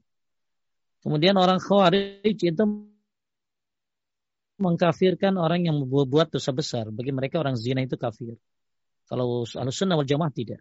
Ya, mereka berdosa besar tapi tidak kafir. Kemudian penetapan sifat kalam, kemudian penetapan tentang ada dari kebangkitan. Baik, saya akan coba rangkum ya sedikit sebelum pertanyaan tentang bab dua ini. Di bab dua ini kita belajar tentang keutamaan tauhid dan dosa-dosa yang terhapus dengan Ya, kita udah bahas Al-An'am ayat 82. Kalau kita pengen dapat hidayah, pengen dapat petunjuk, pengen dapat keamanan, maka tauhidlah solusinya. Ya, tauhidlah solusinya. Jadi tauhid ini solusi untuk dapat petunjuk, solusi di akhirat aman, solusi lewat syaratul mustaqim, solusi di dunia juga. Ya, nah ini sudah kita bahas. Kemudian uh, ayat yang kedua yang sudah kita bahas adalah tentang siapa yang bersaksi tidak ada ilah yang berhak ibadahi dengan benar melainkan Allah dan tidak ada sekutu baginya dan Muhammad adalah Muhammad, eh, hamba dan rasulnya. Isa adalah hamba Allah dan rasulnya. Kalimat yang disampaikan kepada Maryam serta ruh darinya, surga adalah benar, neraka adalah benar adanya, maka Allah akan masukkan ke dalam surga sebagaimanapun amal yang telah diperbuatnya. Ya, kita sudah pernah bahas ini bahwa jauhi syirik. Ya, kemudian uh, apa ikuti Nabi Muhammad sallallahu alaihi wasallam ya Kemudian uh, kita orang Muslim harus ya harus percaya kepada Isa alaihissalam karena Isa adalah bagian daripada Nabi kita juga. Ya, ya kemudian juga uh, tentang neraka dan surga kita sudah pernah bahas. Ya. Kemudian kita juga sudah pernah bahas had, uh, hadis yang ketiga. Ini kalau nggak salah bulan kemarin ya Fa inna Allah nar man. Ini kita sudah bahas kemarin tentang rukunnya, ya, rukun la ilaha illallah. Kemudian syarat la ilaha illallah. Juga kita sudah bahas amalan-amalan lain yang bisa menghindari kita dari api neraka. Nah, selanjutnya hadis yang tadi sudah kita bahas, ya, yaitu tentang Nabi Musa alaihissalam yang min yang disuruh untuk baca la ilaha illallah Kemudian tadi tauhid yang menghapuskan dosa-dosa walaupun sebanyak bui sebanyak uh, sebanyak uh, bumi ini ya sepenuh bumi. Ya ini hadis uh, tadi total total ada lima ya ada lima lima dalil. Mudah-mudahan dengan lima dalil ini kita pahami ya kita amalkan maka insya Allah Allah hapuskan semua dosa-dosa kita. Ya tauhid dengan tauhid Allah ampuni dosa-dosa kita insya Allah. Baik, ini ada kandungan bab tuh, ya, kandungan babnya banyak sekali, ya. Lanjut yang uh, kandungan bab ini ya Ustaz, dari Enggak, bukan, bukan. Untuk ke tanya Apa jawab pertanyaan? Oh, baik, baik. pertanyaan. Ini Awan, ini barusan Ini ada yang benar. ada Ya, yang udah habis. Ya, ada yang message katanya menanyakan judul bukunya apa. Judul bukunya ada di di belakang saya ini, di apa? eh, background saya. Ya. Bisa Jadi dilihat. kalau yang di belakang Akang, yang Ya. di belakang Akang, yang di belakang Akang ini eh, ininya apa? Kitab tauhidnya. Kalau yang Ya. di saya ini pembahasannya. Kalau ibu mau boleh pembahasannya ini. Ya, ini pembahasannya. Syarah kitab tauhid. Ya, ibu bisa foto ya. Eh, atau nanti saya dika- saya kasih fotonya ke Feby. Ah, jadi Ya. kalau yang di belakang Akang itu ayat-ayat dan hadisnya saja. Hmm. Ya. Ayat-ayat dan hadisnya saja. Jadi yang mau simple, ah, buku yang di belakang Akang itu udah ada PDF-nya itu mah ya, udah ada yang gretongan ya kan, udah ada yang gratisan Oke. kalau yang itu. Jadi ya. Nah, untuk yang di belakang Akang itu ibu-ibu yang pengen ngapalin, pengen simple, beli yang di buku yang ada di eh, di Kang Roshid itu ya. Di apa di eh, di apa di de- apa di Kang Roshid itu bukunya. Ya. Tapi kalau ibu Ya. pengen lebih lengkap, lebih lengkap, lebih paham, ah, beli buku ini silakan. Ya, di mana di di Tokopedia banyak lah buku yang kayak gini ya.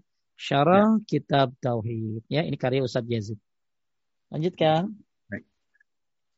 Baik, eh, berikutnya pertanyaan. Oh ya, satu lagi Ustaz tadi ada, ada jamaah me- mengkoreksi tadi ada pembahasan mengenai surat eh, surat Ibrahim ayat 14 mengenai tauhid, tapi rupanya ah, seharusnya ayat 24 mungkin Ustaz. Jadi kita tadi dari jamaah ada yang ada yang message ke kita. Oh, gitu ya. Ya. Ya, baik. Iya, jazakal jazakallah. Makasih Ibu koreksinya, insyaallah. Ya, Baik, saya ini- belum sempat koreksi soalnya. Eh eh, ya, silakan. ber, ber- iya, berlapis-lapis ya Ustaz ininya khutbahnya ini apa namanya kajiannya banyak ya Ustaz. Nah, baik ini pertanyaan pertama Assalamualaikum Ustaz. Eh, bagi orang yang mengucapkan la ilaha illallah di akhir hayat apakah ini secara literal dan harus diucapkan atau apakah maksudnya di akhir hayat ia meninggal dalam keyakinan la ilaha illallah. Ini mungkin tadi berkait dengan kaidah 17 tadi Ustaz. Semuanya ya Bu ya, semuanya. Ya, semuanya. Jadi eh, wa bima yu'bad. Jadi bukan hanya dia mengucapkan la ilaha illallah tapi dia juga mengingkari sesembahan selain Allah. Jadi ngucapin la ilaha illallah itu banyak, Bu. Cuman tidak konsekuensi. Jadi saya berharap ya ibu sehari-hari ngamalin la ilaha illallah. Maksudnya apa? Sehari-hari ibu jauhi kesyirikan. Sehari-hari ibu bertauhid kepada Allah ya dalam tiap waktu kita dan insya Allah akan dimudahkan mengucapkan kalimat tersebut di akhir hayat kita. Ya, jadi kalau yang ditanya tadi apakah hanya kalimat saja atau eh, pemahamannya, konsekuensinya, semuanya, semuanya. Karena yang ngucapin la ilaha illallah mungkin banyak. Banyak yang ngucapin la ilaha la ilaha illallah ya. Pakai gerak-gerak, pakai nyanyi-nyanyi ya. Tapi nggak ngerti gitu loh, nggak ngerti. Makanya buat ibu yang bertanya, hendaklah ibu perdalam kalimat la ilaha illallah ibu. Dengan cara apa? Belajar rukun-rukunnya, ya. Belajar syarat-syaratnya. Ya, rukun la ilaha illallah itu ada berapa? Syarat-syaratnya apa? Dan ibu jalankan konsekuensinya. Jadi bukan hanya diucapan saja ya, tapi eh, aplikasi dalam setiap kehidupannya. Ya. Jadi eh, bukan hanya akhirnya saja tapi dalam kehidupan sehari-harinya. Jadi bukan hanya mengucapkan tapi juga mengetahui maknanya. Makanya ada yang bertanya, Ama, apakah la ilaha illallah itu kunci surga? Ya, la ilaha illallah itu kunci surga. La ilaha illallah itu kunci surga. Tapi, tapi kunci itu ada giginya. Kunci itu ada giginya. Ya. Kalau giginya benar, terbuka tuh pintunya. Nah, apa gigi-giginya? Nah, itulah yang kita harus belajar. Ya, jadi la ilaha illallah itu kunci surga. Nah, makanya ada pendukung-pendukung terbukanya kunci tersebut, yaitu gigi-gigi gerigi-geriginya. Nah, ini lagi yang kita lagi belajar nih gerigi-geriginya ini nih. Ya, jadi bukan hanya kalimatnya saja, akan tetapi juga syarat, rukun, ya, eh, mengaplikasikan dalam kehidupannya. Insya Allah dimudahkan ya Bu ya. Lanjut. Baik, eh, sebelum kita mulai ke pertanyaan berikutnya dari yang meniti pertanyaan, tadi ada yang bertanya, oh sudah menurunkan tangan, baik. Kita lanjut. Berikutnya, Bismillah Ustaz. Kalau baca doa ini, sorry, La ilaha illallah azimul halim, La ilaha illallah rabbul arshil azim, La ilaha illallah rabbus samawati wa rabbul ardi wa rabbul arshil karim. Apakah juga mendapat keutamaan kalimat tauhid Ustaz? Syukran barakallahu fikum. Taib, termasuk Termasuk cuman nggak disebutkan tadi karena memang kebanyakan banget ya. Kebanyakan. Jadi itu doa bagus dibaca kalau lagi susah kan. Kalau lagi keadaan susah, oh, ya Allah azimul halim, rabbul asyil azim, rabbus samawati rabbul arsyil azim kadim. Itu bagus dibaca lagi keadaan sulit, termasuk saat sekarang ini. Ya, malah bagus dibaca juga di dalam doa kita sehari-hari ya. Supaya corona ini segera berlalu. Segera Allah mudahkan kita untuk beraktivitas kembali jadi Bapak Ibu sekalian Allah, kalau Bapak Ibu baca yang tadi lain Allah Halim, itu termasuk uh, keutamaan lain Allah tadi bisa uh, termasuk itu doa bagus dibaca ketika dalam keadaan ya susah ya itu dari Ibnu Abbas radhiyallahu anhu. Jadi ibu-ibu siapa yang baca itu bukan hanya dapat keutamaan tauhid, bukan hanya keutamaan la ilaha illallah, tapi juga dimudahkan segala urusan insya Allah. Dan itu doa bagus dibaca di dalam keadaan sulit. Ya. Lanjut. Baik. Uh, ini ada yang bertanya langsung iPad Um Adam. Sorry, saya kepanjangannya kepotong soalnya. Jadi tolong di, di unmute silahkan Ibu. Assalamualaikum Ustadz. Waalaikumsalam. Bisa didengar? Waalaikumsalam warahmatullahi wabarakatuh. Siapa ini? Bisa, bisa. Uh, dengan Umu Adam dari Belanda. Mau nanya Ustadz. Tadi Ustadz sebutkan hmm. doa masuk pasar Silakan ya Ustadz. Ustadz saya mau hmm. nanya. Tadi Ustadz Betul. sebutkan doa untuk masuk pasar. Nah, sekarang di musim pandemi ini pasarnya kan di online yeah. Ustadz. Itu bagaimana? Apakah kita bisa mengamalkan doa itu? Sebelum belanja online gitu maksud saya ya. Enggak, ya baik Ibu, makasih. Insya Allah ya. Ya menurut saya sih enggak ya, kalau tapi intinya gini, ada pasar besar, ada pasar kecil ya. Kalau pasar besar itu kayak mall ya Bu ya. Kalau pasar kecil mungkin kalau di Indonesia kayak Ya, kayak ya hajikumullah ya kayak Indomaret kali ya. Itu bisa bu. Ya bisa. Ataupun uh, tapi kalau online online apakah kita baca doa itu? Karena itu kan pasar juga Pak Ustadz ya. Uh, pasar pasar online. Saya belum tahu sih ada fatwanya ya. Ada fatwanya tentang kalau mau mesen ke pasar apa ke pasar online baca doa ini. Jadi secara secara yang saya tahu ini dibaca ketika masuk ke pasar yang bersifat real ya, bersifat real. Uh, uh, tapi apakah ini bisa juga dibaca ketika di pasar online? Wallahu a'lam. Ya Bu ya, belum tahu apakah uh, ada fatwanya yang apa uh, dibolehkan untuk baca doa ini di pasar online. Tapi yang saya tahu ini pasar secara nyata. Wallahu a'lam. Maaf Bu, ya belum tahu ya. Saya kalah khairan Ustaz. Oh iya. Saya, uh, saya mau share ini tadi buku ada yang minta uh, apa? Ken. Jadi ini screenshotnya kitab ini yang dibahas untuk membahas ya, detail dari kitab tadi Ustaz. Iya betul akan maju lagi ke pertanyaan. Inilah pertanyaan berikutnya. Ustadz, eh, setelah sholat dan selesai istighfar, membaca ayat kursi dan membaca la ilaha illallah, apakah boleh kita membaca doa-doa sesuai keinginan? Misalkan doa untuk anak, orang tua, dan lain sebagainya. Saya pernah dengar setelah sholat sebaiknya zikir dan membaca doa di kala sujud atau waktu tahiyat sebelum salam. Gimana Ustaz? Ya, jadi sebenarnya, ibu-ibu sekali menekan Allah, yang paling bagus waktu berdoa itu lagi sholat ya. Karena sholat itu kan manusia sedang berada di hadapan Allah. Saat terdekat seorang hamba kepada Allah itu lagi sujud ya.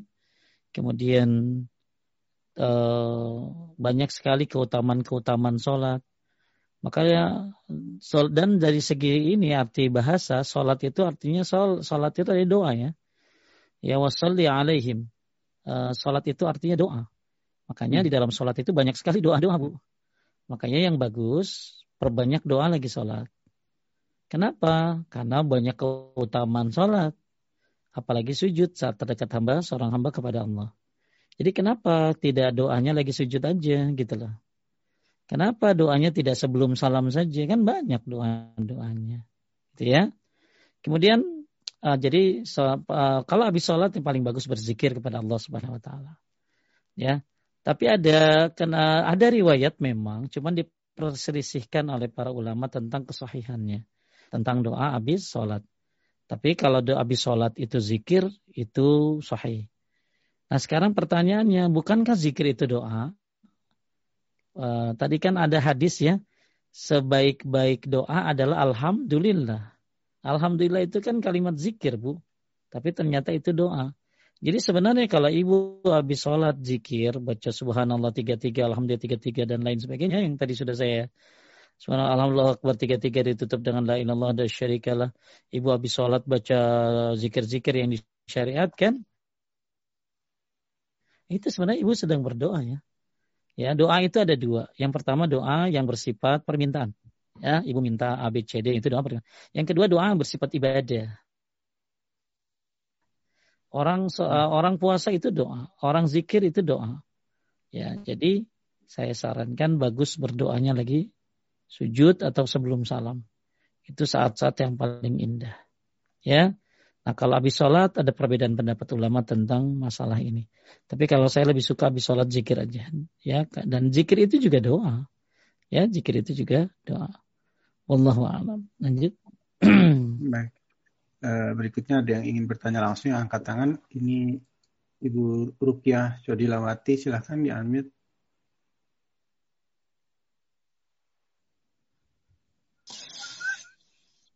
Assalamualaikum warahmatullahi wabarakatuh. Terima kasih Ustaz panitia atas kesempatannya.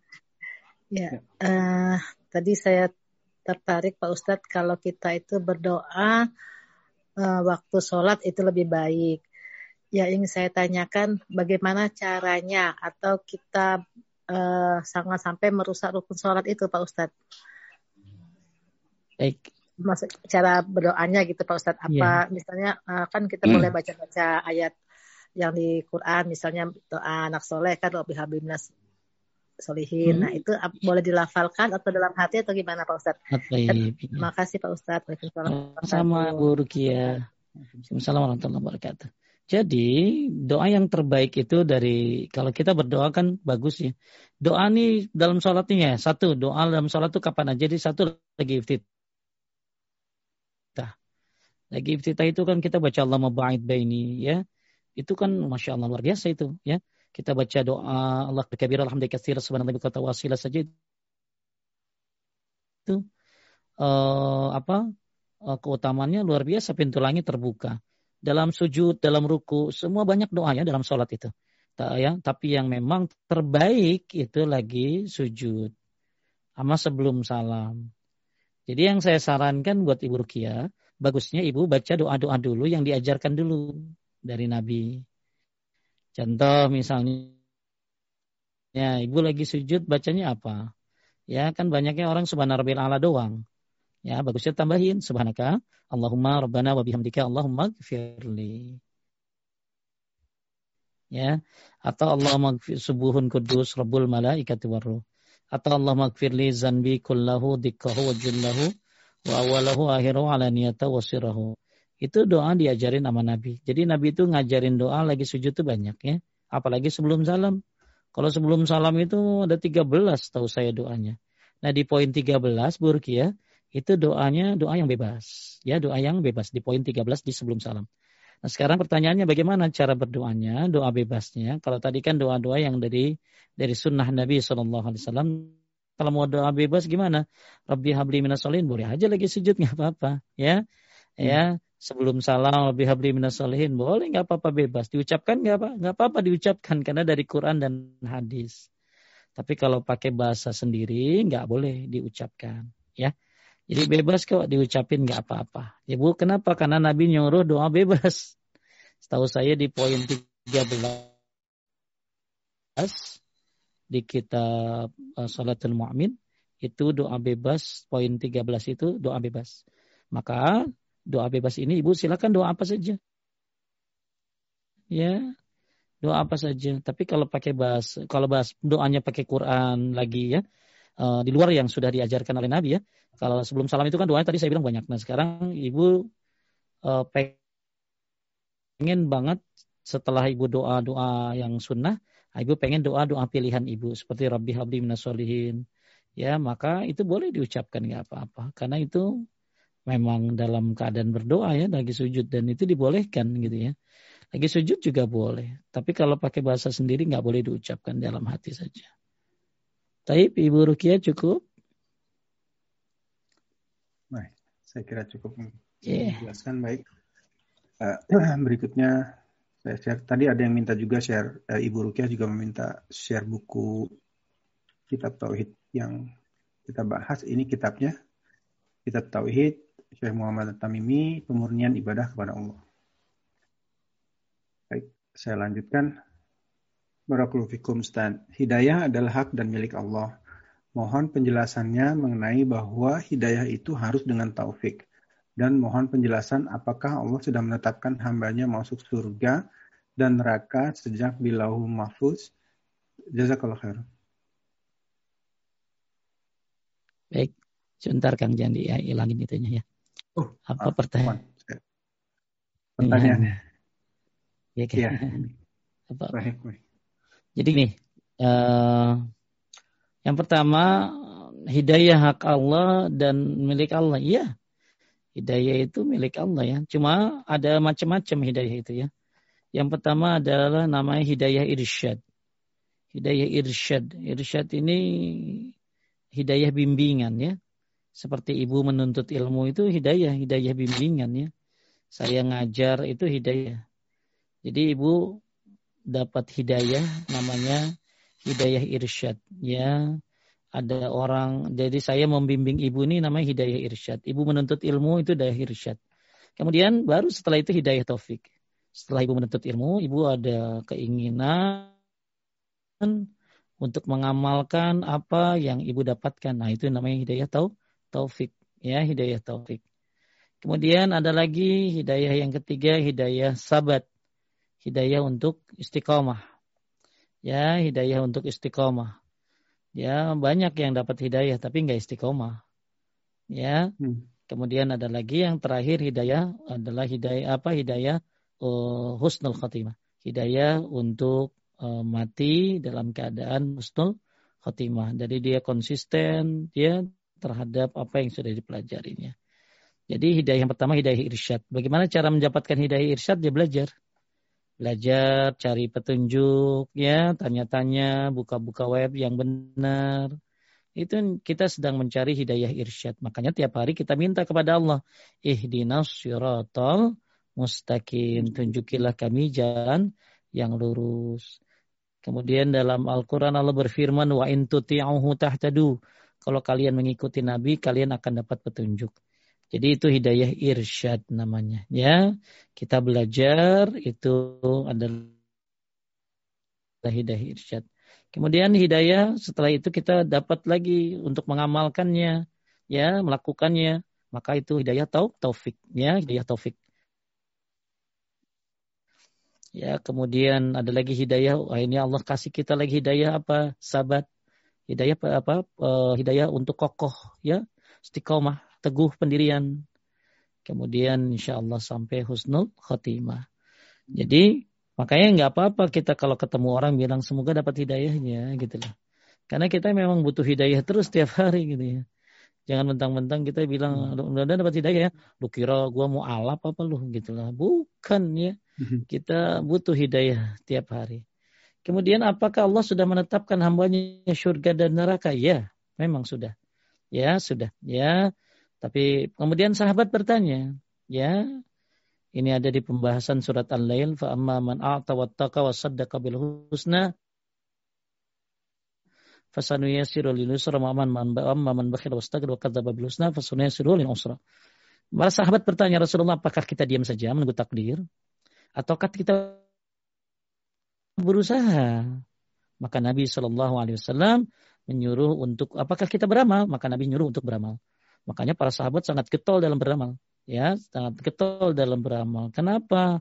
Karena siapa yang beramal akan dimudahkan untuk apa dia diciptakan akan dimudahkan ke mana dia diberikan sebenarnya arah tujuan diciptakannya dia. Jadi kalau pengen lebih lengkap ada di pembahasan tafsir Ibnu Katsir tentang surat Al-Lail kalimat fa'ama man a'ta wattaqa. Jadi para sahabat itu bertanya kepada Rasulullah SAW, apakah kita diam saja menunggu takdir? Ya, ataukah kita beramal? Maka Nabi menyuruh beramal. Maka luar biasa para sahabat ya. Akhirnya mereka beramal setelah itu, ya beramal luar biasa. Ya, kenapa? Ya, karena rahmat Allah itu dekat kepada orang-orang yang berbuat kebaikan. Dan kemudian dengan beramal kita dimudahkan ke mana sebenarnya memang kita diciptakan. Makanya ya, terus ya beramal soleh. Ya, dan terus meminta kepada Allah ya supaya Allah Subhanahu wa taala Allah mahdini wasaddidni Allah ma'ani as'alukal huda wassadat. Ya Allah berikanlah aku hidayah dan berikanlah aku kekokohan dan keteguhan. Ya, itu jawaban saya. Ya. Baik. Jadi kita tugasnya beramal saja. Kita ini menciptakan ke mana nggak tahu kan? Ya, maka kita beramal. Ya, kita beramal saja. Kita beramal dan Allah Subhanahu wa taala akan menunjukkan siapa ke mana kita sebenarnya diciptakan. Ya, Makanya Bapak Ibu suka heran juga saya lihat orang ya. Ada kejadian ya Kang ya, semoga ya Allah alam dia udah tobat apa belum sih.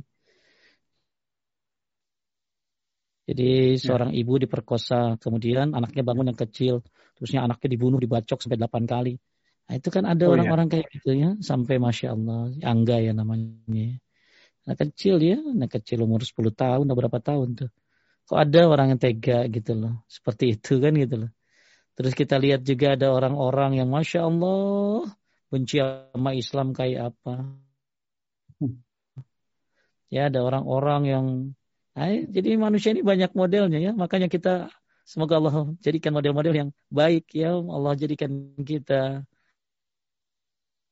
uh, apa memang Allah ciptakan kita untuk surganya bukan untuk nerakanya. Amin. ya jadi tugas kita beramal saja. Ya nggak usah mikirin begini. Gue nih buat ini gue nih sebenarnya masuk surga peneraka sih kan? Ya anda beramal saja anda beramal. Ya kalau anda nggak beramal takutnya memang anda diciptakan untuk itu gitu loh ya nah. maka beramalah bertauhidlah ikuti sunnah Rasulullah SAW banyak uh, banyak orang-orang yang kita tidak sangka-sangka melakukan hal-hal yang keji gitu ya kok bisa ya, kok bisa ya gitu loh. Ya, dia ada orang-orang yang seperti itu. Ya. Ya, kita beramal saja insya Allah. Lanjut. Baik. Baik. Uh, pertanyaan berikutnya bisa tadi disebutkan khawarij kaum khawarij itu mengkafirkan orang yang berdosa besar. Apakah khawarij ini juga mendosakan mendosakan orang yang tidak sepaham dengan mereka dan bagaimana sebaiknya menghadapi kaum khawarij ini? orang Khawarij ini Masya Allah ya. Mereka mengkafirkan ya di luar kelompoknya. Ya, ya mengkafirkan di luar kelompoknya, mengkafirkan orang-orang yang berbuat dosa besar dengan mudahnya membunuh dan lain sebagainya. Contoh yang paling gampang zaman sekarang ya seperti ISIS itu aja. Gimana cara menghadapi mereka ya dengan ilmu? Dulu Ibnu Abbas menghadapi mereka ya menghadapi mereka dulu Ibnu Abbas itu. Ya, dan tentu Ibnu Abbas ya ilmunya luar biasa. Makanya kalau ibu berhadapan dengan mereka, Ya, dah harus punya ilmu karena bisa saja mereka melontarkan syubhat-syubhat. Ya, melontarkan hal-hal yang ibu belum ketahui. Ya, dengan menyalahgunakan ayat Quran yang mereka pahami sendiri atau apa-apa yang mereka pahami dengan akal sendiri gitu. Maka cara menghadapi mereka dengan ilmu. Kalau kita tidak bisa menghadapi mereka, ya jangan hadapi mereka. Biarkan orang-orang yang berilmu yang menghadapi mereka. Ya, nah, ini makanya pentingnya belajar. Pentingnya belajar. Jangan sampai naudzubillah min kita ikut pemahaman pemahaman khawarij yang disebutkan mereka adalah anjing-anjing neraka. Lanjut. Baik. Ini pertanyaan terakhir yang sesuai topik ini kali ini Ustaz. Uh, Pak Ustadz, saya pernah dengar kalau mengerjakan suatu ibadah karena memiliki suatu keinginan bisa dikategorikan sebagai salah satu bentuk syirik. Bagaimana dengan sholat hajat? Sholat hajat itu hadisnya lemah sekali. Ya. Sholat nah. hajat nah. itu nggak usah. Ya. Lebih baik tahajud aja. Tahajud itu all in one. Tapi ya sholat tahajud itu all in one. Ya kalau kita punya keinginan boleh dalam sholat kita berdoa. Kalau sholat kan harus karena Allah dong. Nah, dalam sujud kita mau apa ya minta sama Allah. Gak apa-apa orang dulu garam aja dipinta kok. Orang dulu garam aja dipinta gitu loh. Ya garam nggak ada di dapur dipinta. Hal-hal terkecil hmm. apa pun minta kepada Allah dan Allah senang untuk dipinta. Lain dengan manusia yang marah kalau sering dipinta. Ya maka Allah lain senang dipinta dan sangat menyukai hamba-hamba yang meminta kepadanya. Kalau Allah berfirman, "Ud'uni astajib lakum," mintalah kepadaku akan dijawab. Maka Ketika kita ibadah, tujuannya harus ikhlas karena Allah. Anda haji kenapa? Ikhlas karena Allah. Kalau ternyata nanti setelah haji dapat rezeki banyak, memang salah satu janji. Orang yang meneruskan umrah dengan haji atau sebaliknya akan dapat kunci rezeki itu. Jadi tujuan ibadah semuanya adalah ikhlas karena Allah. Misal puasa, ikhlas karena Allah. Ya, jangan puasa pengen langsing. Ya, nggak boleh puasa pengen langsing puasa ikhlas karena Allah ternyata jadi langsing alhamdulillah gitu loh ya jadi tujuan yang utama ibadah semuanya kepada Allah Subhanahu wa taala kalau kita lagi sholat ya karena Allah tapi ketika lagi sujud kita berdoa minta nggak apa-apa ya nggak apa-apa nah, tapi kalau sholat hajat dalilnya lemah ya lemah sekali ya nggak usah diamalkan lebih baik sholat, lagi sujud minta ya tahajud ya hmm. Salat hajat maksudnya Ustaz yang lemah. Iya, salat hajat. Ya, salat hajat nah. hadisnya lemah. Ya. Baik. Jadi, uh, yang bagus tahajud, ya, salat sambil sujud, baca doa, nggak apa-apa ya. Yang penting ikhlas semua dilakukan karena Allah. Lanjut. Baik. Ini ada pertanyaan, namun uh, di luar di luar topik, Ustaz. Uh, maaf ini saya harus saya tutup uh, uh, apa namanya? Penanya nama penanya. Baik. Bismillah. Assalamualaikum Ustaz. Saya punya istri yang bekerja di London dengan maaf.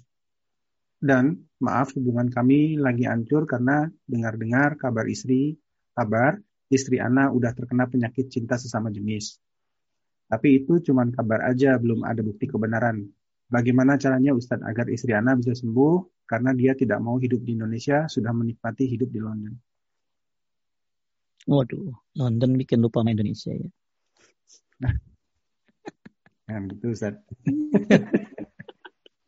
Iya, saya sendiri ada ibu-ibu nawarin Ustaz hidup di sini deh, hidup di sini deh.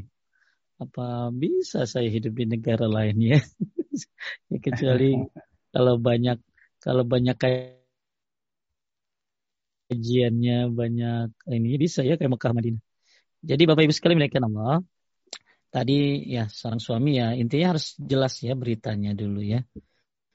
Jadi uh, harus jelas dulu beritanya apakah benar atau tidak tabayun dulu ya. Coba ditanya aja istrinya ya. Dan harusnya istri yang solehah itu ikut suami gitu loh ya. Ikut suami.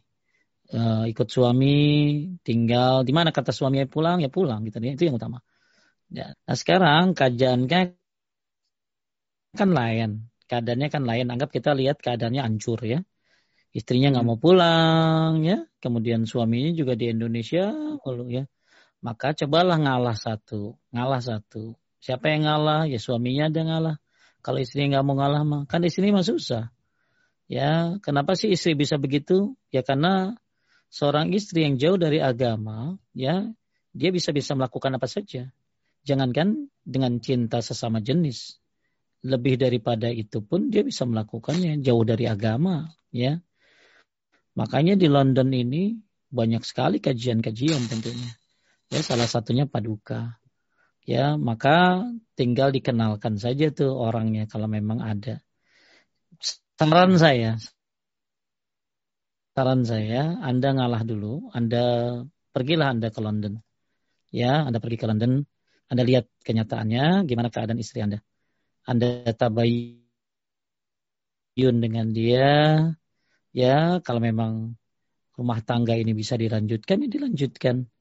Dan satu harus ada yang ngalah tentunya ya kalau suami istri anda bisa ngalah ya bagus ya. Tapi kalau dia emang nggak mau ngalah ya anda yang ngalah ya supaya terbina rumah tangga. Dan mudah-mudahan anda hijrah ke London jadi lebih baik ya. Ya hmm. mungkin lebih banyak kajian dan lain-lain atau apa. Dan anda lebih dekat dengan istri. Anda pun terhindar dari perzinahan mungkin karena Anda tanpa istri di Indonesia ya susah juga. Ya, bengong mulu akhirnya. Ya. Nah, hmm. maka uh, Anda coba ke London lalu tanya sama istri gimana solusinya rumah tangga ini. Gak mau dia ya udah Anda ngalah. Ya Anda ngalah. Coba karena mungkin dia juga bingung ya, dia juga bingung di situ sendirian mungkin di London atau mungkin dia juga uh, karena jauhnya komunikasi ya. Uh, dan sepi mungkin hatinya juga biasanya ada suaminya. Maka coba harus ada yang ngalah satu ya pak ya. Ngalah satu. Ngalah ngalah itu nggak kalah ya. Ngalah itu hanya mundur ke belakang sebentar untuk maju beberapa lompatan. Jadi kalau kita ngalah itu bukan kalah. Kita cuma mundur ke belakang sebentar untuk loncat lebih jauh lagi maka mudah-mudahan nanti ya mungkin dengan hidup berdua di London ya. Kemudian akhirnya jadi terbuka lagi, terbuka lagi hatinya, menyatu lagi. Jauh itu enggak enak ya, jauh itu enggak enak. Apalagi suami istri jauhan, saling curiga dan lain sebagainya. Ya harus ada yang ngalah satu. Kemudian kalau memang dia benar seorang lesbi, ya maka kita benci perbuatan lesbinya tapi tidak kepada orangnya. Berarti istri Anda sedang sakit. Ya kenapa dia begitu? Ya bisa saja karena nggak ada pelampiasan seks dari suaminya. Ya kalau dia sama orang lain mungkin orang lain akan menyebabkan dia hamil. Ya akan menyebabkan kalau laki-laki ya sama perempuan sama laki bisa hamil dia bisa zina. Sama perempuan mungkin pikirannya ya simpel gitu loh maka menurut saya solusinya ya coba aja pindah dulu. Temuin dia, hidup bareng lagi, Anda ngalah dulu. Kemudian kalau memang dia lesbi, mudah-mudahan tidak jadi lesbi lagi kalau udah ada Anda. Ya kan udah tersalurkan. Ya udah tersalurkan. Kemudian juga ketika ternyata benar-benar positif lesbi, ya maka ternyata dia bisa anda sudah memuaskan dari nafsunya sudah ternyata dia masih tetap sakit berarti dia sakit. Ya kita tidak benci orangnya tapi benci perbuatannya. Ya harus diterapi tentunya. Salah satunya dengan rukyah ya rukyah ya kemudian juga menurut saya sih paling tepat kayak begitu mah uh, apa ya lebih dekat kepada masalah uh, komunikasi aja lebih sering berdua, lebih sering mesra-mesraan berdua, lebih sering. Nah itu insya Allah lama-lama akan terbuka hatinya buat Anda. Dia melakukan uh, hubungan lesbian sekarang pasti banyak sebab ya, banyak sebab. Bisa jadi karena ketakutan hamil, ketakutan sama laki-laki yang dia mau berzinah tapi dan lain sebagainya itu ada ada ada hukumannya. Maka harus ada yang ngalah ya harus ada yang ngalah. Semoga bapak dimudahkan untuk bisa eh, nasihati istrinya ya atau ya mudah-mudahan nanti kalau udah ngalah oh kemudian ketahuan solusinya udah bareng-bareng hidup mesra lagi nanti lama-lama cinta lagi sayang lagi maka bawa lagi ke Indonesia insya Allah bisa. Karena kalau sudah apalagi diajak taklim ya diajak taklim diajak kajian insya Allah nanti akan terbuka bahwa surga seorang istri itu ya ada di suaminya selama dia taat dalam kebaikan dan apa yang disarankan oleh suaminya adalah kebaikan diikuti. Tapi kalau kejelekan tidak usah diikuti. Banyak cara ya, tinggal diputar aja caranya yang bagus kayak apa. Yang penting nomor satu ngalah, ngalah, ngalah dan ngalah. Itu dulu deh ya. Semoga dimudahkan ya Pak, Insya Allah. Terima kasih Ustaz. Sama-sama. Ini terakhir, pertanyaan terakhir Ustaz. Assalamualaikum Ustaz. Salah satu amal baik yaitu infak atau sedekah. Berapa bagian dari rezeki kita yang yang berapa bagian dari rezeki yang kita peroleh? Syukran uh, Kalau zakat jelas, kalau zakat itu dua setengah persen ya Pak, Bu. Tapi kalau untuk uh, infak itu kan nafkah ya, nafkah. Nafkah ini kepada istri, ya, kepada orang tua, ya, Uh, itu silakan aja ya. Sama istri lebih banyak lebih bagus lagi Pak Rosyid ya. Kalau ngasih istri malah lebih banyak ya. lebih bagus gitu ya. Uh, lebih, itu lebih senang dia ya lebih banyak lebih, lebih banyak lebih bagus. Pas sesuai dengan kemampuan ya. Sesuai dengan kemampuan. Tapi kalau sedekah anda sama siapa aja? Ya sama siapa aja anda mah? Ya sama siapa dan berapa aja?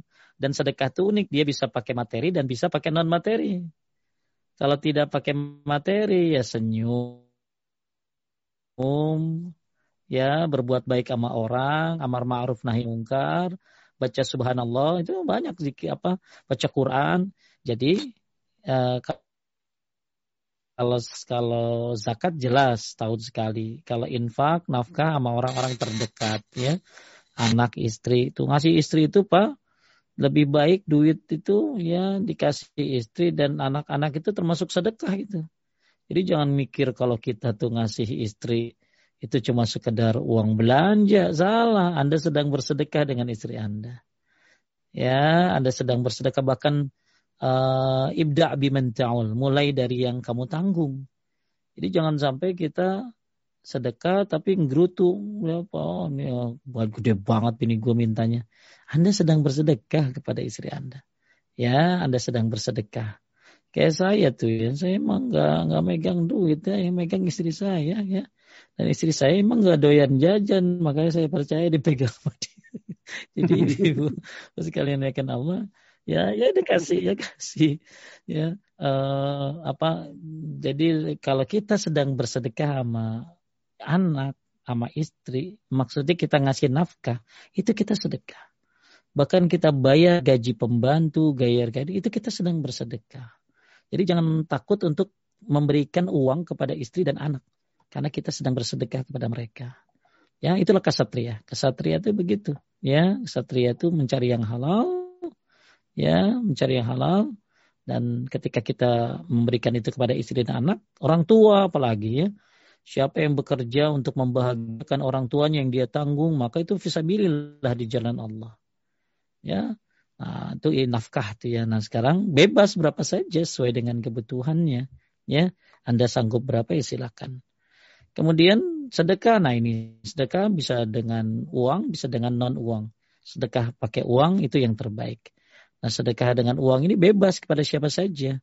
Ya, Anda mau ngasih apa saja, siapa saja boleh ya apalagi itu orang tua orang tua maksudnya orang bukan orang tua kita maksudnya orang yang sudah tua ya kemudian orang yang cacat ya ya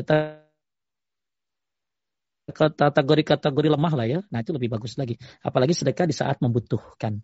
Nah berapa Pak Ustadz? Ya maksudnya sedekah di saat yang membutuhkan kayak lagi ada musibah, gempa bumi dan berapa? Tidak ada nilainya. Berapa kalau sedekah mah?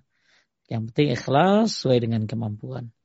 Ya, dan pahala sedekah itu luar biasa. Ingat ya, mayit nanti kalau bangkit dari kuburan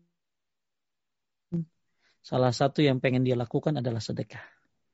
Ya, karena nanti manusia akan berada di bawah naungan sedekahnya. Bahkan nanti sedekah itu akan menghindari azab kubur yang datang dari depan. Ittaqun nar walau bitakit samur. Jagalah dirimu dari api neraka walaupun dengan setengah kurma. Sedekah itu bisa menghindari api neraka. Banyak banget. Batasannya bebas saja. Ya, nggak ada batasan. Jadi kalau zakat dua setengah persen, kalau nafkah ya sesuai kemampuan yang dibutuhkan. Tapi kalau sedekah bebas berapa saja. Habis kan? Uh, habis sudah pertanyaannya. Ya, apa, apa ada lagi? Habis Ustaz. Alhamdulillah. Ya, alhamdulillah. Gak apa-apa kok kan malam ahad saya juga apa nyantai kok. Habis, habis. Ini dari saya aja nih Ustaz kalau gitu. So, saya tambahin. itu barusan tentang sedekah Ustaz saya pernah pernah dengar ada yang mengenai uh, sahabat Nabi bersedekah uh, sepertiga sepertiga sepertiga. Dari dari hasil buminya kalau nggak salah atau dari pendapatannya. Apa oh, itu sahih iya. Ada riwayat itu itu tentang keutamaan sedekah ya. Keutamaan sedekah masuknya Kang. Jadi dia tuh sepertiga buat di rumahnya sepertiga lagi buat ini sepertiga ini. Memang ada di saya ada riwayat seperti itu. Dan itu masuk di kategori keutamaan sedekah bukan bagian batasan Kang bukan batasan ya jadi kalau Akang ya. mau bagi-bagi boleh aja gitu ya sepertiga sepertiga sepertiga boleh ya tapi uh, itu ketentuan bebas saja dan hadisnya saya tahu itu tentang orang yang ini ya Kang, ada kebun yang ada hujan ya. Hujan turun e, buat kebunnya dia gitu ya. Ternyata kenapa kok dia ini punya keutamaan luar biasa gitu ya. Keutamaannya itu jam, e, di riwayat itu dia ternyata sampai-sampai awan itu bergerak menuju kebunnya hujan nih e, kebun orang ini gitu loh ya. Uh, ternyata kenapa kok bisa sampai ada suara yang bilang hujani uh, kebun orang ini? Karena ternyata orang ini rajin sedekah. Nah sedekahnya tadi. Tapi kalau pembagian yang akan bilang sedekah sepertiga sepertiga itu, itu masuk ke kurban, Kang. Oh gitu. Kurban ya. Jadi kalau kurban, ya kurban tuh bagus sepertiga buat di keluarga, sepertiga buat fakir miskin, sepertiga buat tetangga. Nah itu kurban tuh. Ya udhiyah itu. Tapi kalau yang tadi saya ceritakan memang ada riwayat tentang itu cuman nilainya saya berapa sepertiga lupa ya atau berapa ya tapi intinya oh. kalau yang akan tanya tentang sepertiga yang maksud di sini mungkin kurban ya kurban uh, akekah ya apa bagus itu sepertiga uh, untuk keluarga, sepertiga untuk tetangga, sepertiga lagi untuk fakir, miskin. Ya. Baik. Habis kan? Rupanya begitu. Ah, begitu Ustaz dibuka Ibu Febi mungkin mau nanya ya buat panitia. Ada, ada yang mau sok, mengangkat sok, tangan nih. Iya nih dari Amsterdam, silahkan di unmute. Assalamualaikum. Waalaikumsalam warahmatullahi wabarakatuh. Waalaikumsalam warahmatullahi wabarakatuh. Ya Ibu, silakan. Uh, Pak Ustadz, uh, mau tanya, kalau kita punya penghasilan sendiri ya, jadi uh, terus gimana cara menghitung um, zakatnya kita itu? Karena istilahnya uh, saya kerja, saya punya penghasilan sendiri, terus uh, apa penghitungan yang betulnya itu bagaimana baiknya cara menghitung zakat bulan itu yang yeah. terbaik itu. Jadi bisa saja begini, ibu bayar zakat per bulan tapi untuk Januari tahun kemarin misalnya. Jadi kalau zakat mas setahun sekali ya bu. Kalau zakat mas setahun sekali ya bu. Ya, jadi zakat tuh kalau zakat itu ada syaratnya ya. Syarat yang pertama adalah uh, haul yaitu satu tahun. Yang kedua adalah nisab. Ya nisabnya ini batasannya. Batasannya. Ya batasan ibu harus keluarin zakat uangnya berapa. Ya. Nah, misalnya oh, ini yang dua setengah persen itu loh kan kalau iya. yang men iya itu dia. Jadi dua setengah persen itu zakat. Jadi syaratnya dua bu. Syaratnya dua. Syarat yang pertama sudah satu tahun Syarat yang kedua, syarat yang kedua itu namanya nisab. Nisab itu batasan uangnya. Misalnya ibu 80 gram, berarti 80 gram kali emas berapa? Anggap duit berapa sekarang? Kalau emas 1 juta berarti 80 juta. Nah ibu kalau duit punya 80 juta sudah satu tahun, maka keluarkan dua setengah persen. Kalau penghasilan nggak ada uh, jakatnya. Paham Bu Yani? Penghasilan bulanan nggak ada jakatnya, tak?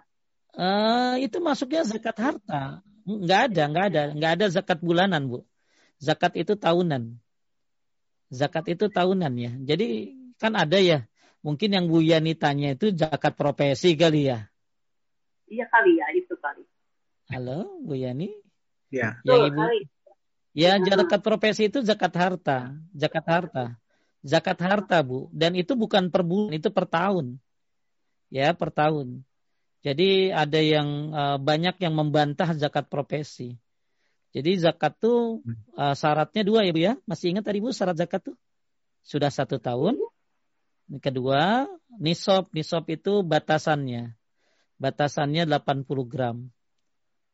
80 gram emas ya Bu ya. 80 ya. gram emas. Jadi ibu kalau udah punya uang udah satu tahun, kemudian udah misalnya 80 gram itu 80 juta misalnya Bu ya. 80 juta misalnya. Ternyata duit ibu udah satu tahun baru 40 juta ya nggak kena. Ya. Oke ya jadi saya ulangi syarat zakat berapa Bu Yani? Dua. Satu apa tadi? Satu apa tadi? Satu tahun ya. Kemudian yang kedua apa tadi? Uh, nisab. Di, ya. Disamakan dengan nilai ya. emas. Ya, ya, nisab ya, nisab. Nisab itu apa? Ya, ya. Nisab itu uh, bat apa sih jumlahnya? Jumlah ya. seseorang mengeluarkan zakatnya. Misalnya ya, Bu, misalnya emas sekarang berapa sih Bu Yani? Yang tahu Ustaz, saya nggak pernah beli emas. oh, ya, ya, ya udah tuh kalau jadi jadi dikali aja nih sob emas. Jadi uh, apa 80 85 gram ya Bu ya, 85 gram. 85 gram bukan 80, 85 gram ya. Kalau pakai dinar itu 20 dinar ya. Nisab emas itu 20 dinar. Jadi saya misalnya gini. Nah, sekarang sekarang saya kasih solusi Bu Yani. Jadi pertama Bu Yani harus tahu dulu bahwa syarat syarat syarat zakat itu dua. Pertama satu tahun. Jadi nggak ada zakat per bulan ya. Ya, ya nggak ada zakat profesi per bulan nggak ada. Itu satu tahun dia. Kemudian yang kedua sudah 85 gram. Jadi kalau Bu Yani udah duit setahun ternyata duitnya cuma ada 50 juta, yang nggak kena zakat mal maka Bu Yani bisa sedekah, silakan. Ya, jadi zakat mal itu dua setengah persen ya Bu ya, dikeluarinya dua setengah persen setelah satu tahun dan mencapai nisab. Mencapai nisabnya berapa tadi? 85 gram. Nah sekarang ada satu ya. solusi begini. Ibu Yani punya gaji misalnya ya, misalnya 10 juta. Paling gampang ya tinggal kali 12 aja Bu. Tinggal kali 12 berarti 120 juta. Berarti lebih dong? Udah nisabnya belum? Udah ya? Ya. Nah, kurangi dua setengah persen dari 120 juta itu. Gak usah dipotong-potong ya. Gak usah dipotong-potong, keluarin dua setengah persen. Ya, nah, itu uh, solusi yang pertama. Yang kedua, dipotong dengan pengeluaran makan. Nah, ini yang agak sulit. Masalahnya makan di mana kan gitu lah. makan di mana. Makanya saya saya lebih suka nggak usah dipotong-potong dah, keluarin aja langsung dua setengah persen. Jadi Pak Rashid misalnya 100 juta sebulan gitu kan ya. Kemudian kali setahun 12 berarti 1,2 miliar. Nah 1,2 miliar miliar ini tinggal dikurangi uh, kan berarti udah udah satu tahun. Udah nisabnya juga udah di atas 85 gram ah, kurangilah dua, maka dikurangi dua setengah persen untuk diberikan kepada siapa? Fakir, miskin. Ya Bu ya? Paham nggak Bu hmm. Yani? Ya insya Allah. Ya, sama-sama. Jadi jangan zakat bulanan ya Bu ya? Jangan zakat bulanan ya. Ya, ya ulama udah banyak bantah tuh zakat bulanan. Gak ada zakat bulanan. Jadi setiap dapat gaji langsung gitu ya, zakat. Itu sedekah namanya. Itu sedekah namanya. Kalau zakat syaratnya dua, satu tahun, kemudian sudah mencapai nisabnya 85 gram. Ya. Hmm. Baik. Berarti zakat profesi itu tidak ada ya Ustaz?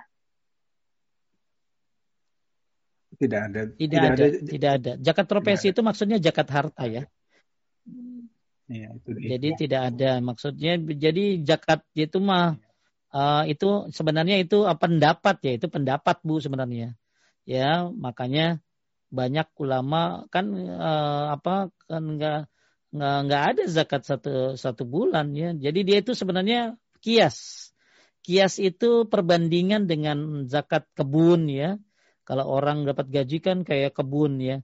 Cuma kalau kebun setahu saya itu 10 persen bukan dua setengah persen. Ya, jadi nyusahin diri akhirnya gitu loh. Ya udah, sekarang mah nggak usah puyeng-puyeng. Satu tahun dan mencapai nisabnya 85 gram. Itu aja ya Bu Yani ya. Ya. Baik. Afwan Ustadz ini kelihatannya begitu dibuka banyak yang bertanya nih Ustadz. Ya, Boleh nambah Ustadz? Alhamdulillah. Eh, Ibu Dokter Gigi ini Dokter Gigi Ambarwati silahkan di unmute. Sudah saya klik tadi. Mohon di unmute uh. silahkan. Tolong admin. Ya. Ah, udah udah. Uh, Gini Ustaz melanjutkan yang tadi uh, zakat itu ya Ustaz ya kan uh, apa namanya melebihi uh, nisabnya 85 gram. Nah, um, set, apa apakah itu di uh, dihitungnya dari misalnya kita punyanya lebih dari uh, misalnya 100 gram lah berarti kan lebih dari uh, apa ada uh, lebih dari dari uh, nisabnya nah uh, yang dibayarkan itu yang 15 gramnya atau totalnya baik semuanya yang ada ibu punya berapa jadi semua harta ya Bu ya. Ya, semua harta, harta Ibu ada berapa? Ya, jadi bukan ini kita lagi bukan ngomongin emas ya. Kita lagi ngomongin zakat ya, zakat ini. Ya. Iya, zakat ya, harta ya. ya. Betul. Jadi Ibu punya harta berapa? Iya. Misalnya bukan lima bulan, jadi Ibu tinggal keluarin dua setengah persen aja Bu. Oh, bukan dikeluarin dua setengah persen dari yang lebihnya ya Pak? Yang, yang dikeluarkan? Yang yang misalnya 80 misalnya 84 Bukan. gramnya di, tidak di, tidak dihitung tapi kelebihannya gitu enggak enggak gitu ya hmm, agak enggak. semuanya dihitung ya oh, semuanya dihitung oh, oh. Iya, iya, ya iya, semuanya iya. dihitung ya begitu nah nanti untuk pembahasan zakat tuh tinggal tanya tuh kan ada Aminur Bait ya pembahasan ya. ada di Paduka itu ada pembahasan zakat tuh itu bagus dia ahlinya itu ya ahlinya ya oh. ahli dalam bidang uh, amal lah bagus ibu. Jadi kesimpulannya ditanya sama bu dokter ini, ya bu dokter ini. Ya. Jadi kalau bu, maksudnya ibu tanya sisanya gitu ya, sisanya. Ya, jadi, jadi kalau ibu punya 100 gram, berarti ya. yang 15-nya. Bukan dibayar, yang dibayarkannya mah oh yang dibayarkannya 100 gram ya 100 gram ya. Oh, nah, 100 gram itu dibayarkan berapa, Bu? Dua setengah? Sen dua setengah dua setengah persen, ibu ya dua setengah persen misalnya ibu punya duit pakai eh, dua misalnya ibu punya duit 100 juta berarti udah kena kan udah yeah. kena kan yeah, ya yeah. udah kena nisab ya yeah. nah, berarti tinggal keluarin dua setengah persen berapa yeah, sih 100 juta dua setengah persen bu oh. dua juta ya? setengah ya Nah, juta setengah ya? Oh, ya, enggak, ya. dikit banget bu. Ya. Oh, nah, itu iya, kotoran iya. tuh, kotoran ya. bu, kudu dibuang ya. Oh, Misalnya iya. ibu punya duit satu m, satu miliar, ya. ya bayar zakatnya dua setengah persen, berapa Pak Ustadz? 25 juta. Ya murah itu. Kok tahu Pak Ustadz? Ya saya sering ngitungin duit orang. Jadi Pak Ustadz hitungin dong, ya, sedikit hitungin. Gitu ya. ya nanti untuk masalah zakat Tagus tanya sama ahlinya.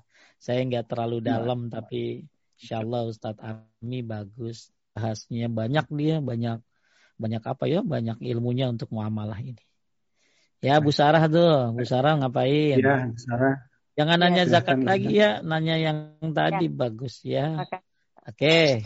ya sama-sama Bu Dokter Ya silakan. Hmm. Enggak jadi deh abis yang ditanyain mau tentang zakat juga. boleh enggak? uh, boleh nggak usah? Ngapain lagi coba? Apa lagi? Enggak. Sok, jadi sok dulu, nih waktu saya masih kerja, uh, saya selalu bayar zakat. Awal, saya tahu nih tadinya kan harusnya tahunan. Cuma tuh saya orangnya uh, tahunan kan. Saya hmm. nggak hmm. disiplin ngitung-ngitungnya Ustadz terus kebablasan lah terus kayaknya ngitungnya jadinya akhirnya main di genep-genepin aja gitu kan. Nah terus saya takut terus jadi akhirnya saya bayar tiap bulan. Insya Allah saya lebihin gitu. Terus tiap kali tiap kali ya saya niatin untuk zakat gitu tapi ya ya ya ya ya terus sampai akhir saya terakhir berhenti nggak kerja lagi tuh terakhir tuh ya masih kayak begitu gitu jadi gimana ya tuh Ustadz ya tapi udah dalam setahun sih, ya, insya Allah emang udah pasti lebih nisab. Iya. Jadi memang Bu Sarah syaratnya tuh ya dua tadi syarat zakat itu ya. Syarat yang hmm. pertama adalah apa tadi? Satu tahun haul, ya yang kedua nisab nisab itu uh, satu tahun ya sudah satu tahun. Nisab itu batasannya 85 gram. Hmm. kayak ya kalau udah sampai 85 gram, apalagi lebih ya harus bayar yeah. zakatnya. Cuma memang kalau paling gampang sih sebenarnya Bu Sarah tinggal begini doang. Setahun nih, setahun hmm. berapa per bulan gajinya gitu aja. Per bulan gajinya berapa? Oh misalnya, oh misalnya 10 juta, udah tinggal kali 12. Berarti hmm. 120 juta dikurangi dua setengah persen, uh, udah selesai gitu ya. Belum ketemu saya sih, ya. Iya, udah nggak kerja pula iya, sekarang Ustaz. Ya, udah, udah gak kerja juga, nggak punya duit lagi. Ya udah tuh iya. sekarang mah tinggal sekarang tinggal ngituin punya suami. Iya. Ya, tinggal punya suami sekarang. Jadi punya suami nggak? Punya. Punya Ustaz. Saudara? Itu saudaranya Pak Rashid. Ya udah, sekarang zakat suaminya Oh, saya kenal benar Jadi sekarang tinggal Bu Sarah ya urusin duitnya suami ya urusin duitnya suami. Jadi gini karena zakat itu butuh ketelitian. Iya. Ketelitian. Jadi butuh istri yang solehah justru yang ngitungin gitu loh. Ya nih papi nih sebulan dapat segini. Ini udah setahun nih pi. Ya udah diakumulasi aja tuh sebulan kali setahun. Kurangi dua setengah persen. Nah, yeah. ternyata ternyata Bu Syarah zakatnya 50 juta karena ada 2 M. Nah, yeah. jangan begini. Berat banget tapi banyak banget. Nah, itu jadi jadi akhirnya jadi jadi penyulit keluarin zakat. Jangan ya ya justru harusnya bayarin pi itu kotoran ya jangan dalam hati teh banyak banget sih. Jangan ya. Keluarin tuh keluarin. Ini kotoran deh ini kita bersihkan zakat ini ya. Dan ibu jangan potong juga ya, potong biaya administrasi ya gitu ya. Kan kami yang hitung gitu ya. Nah, ini jangan ya jangan. Kalau kalau saya yang... punya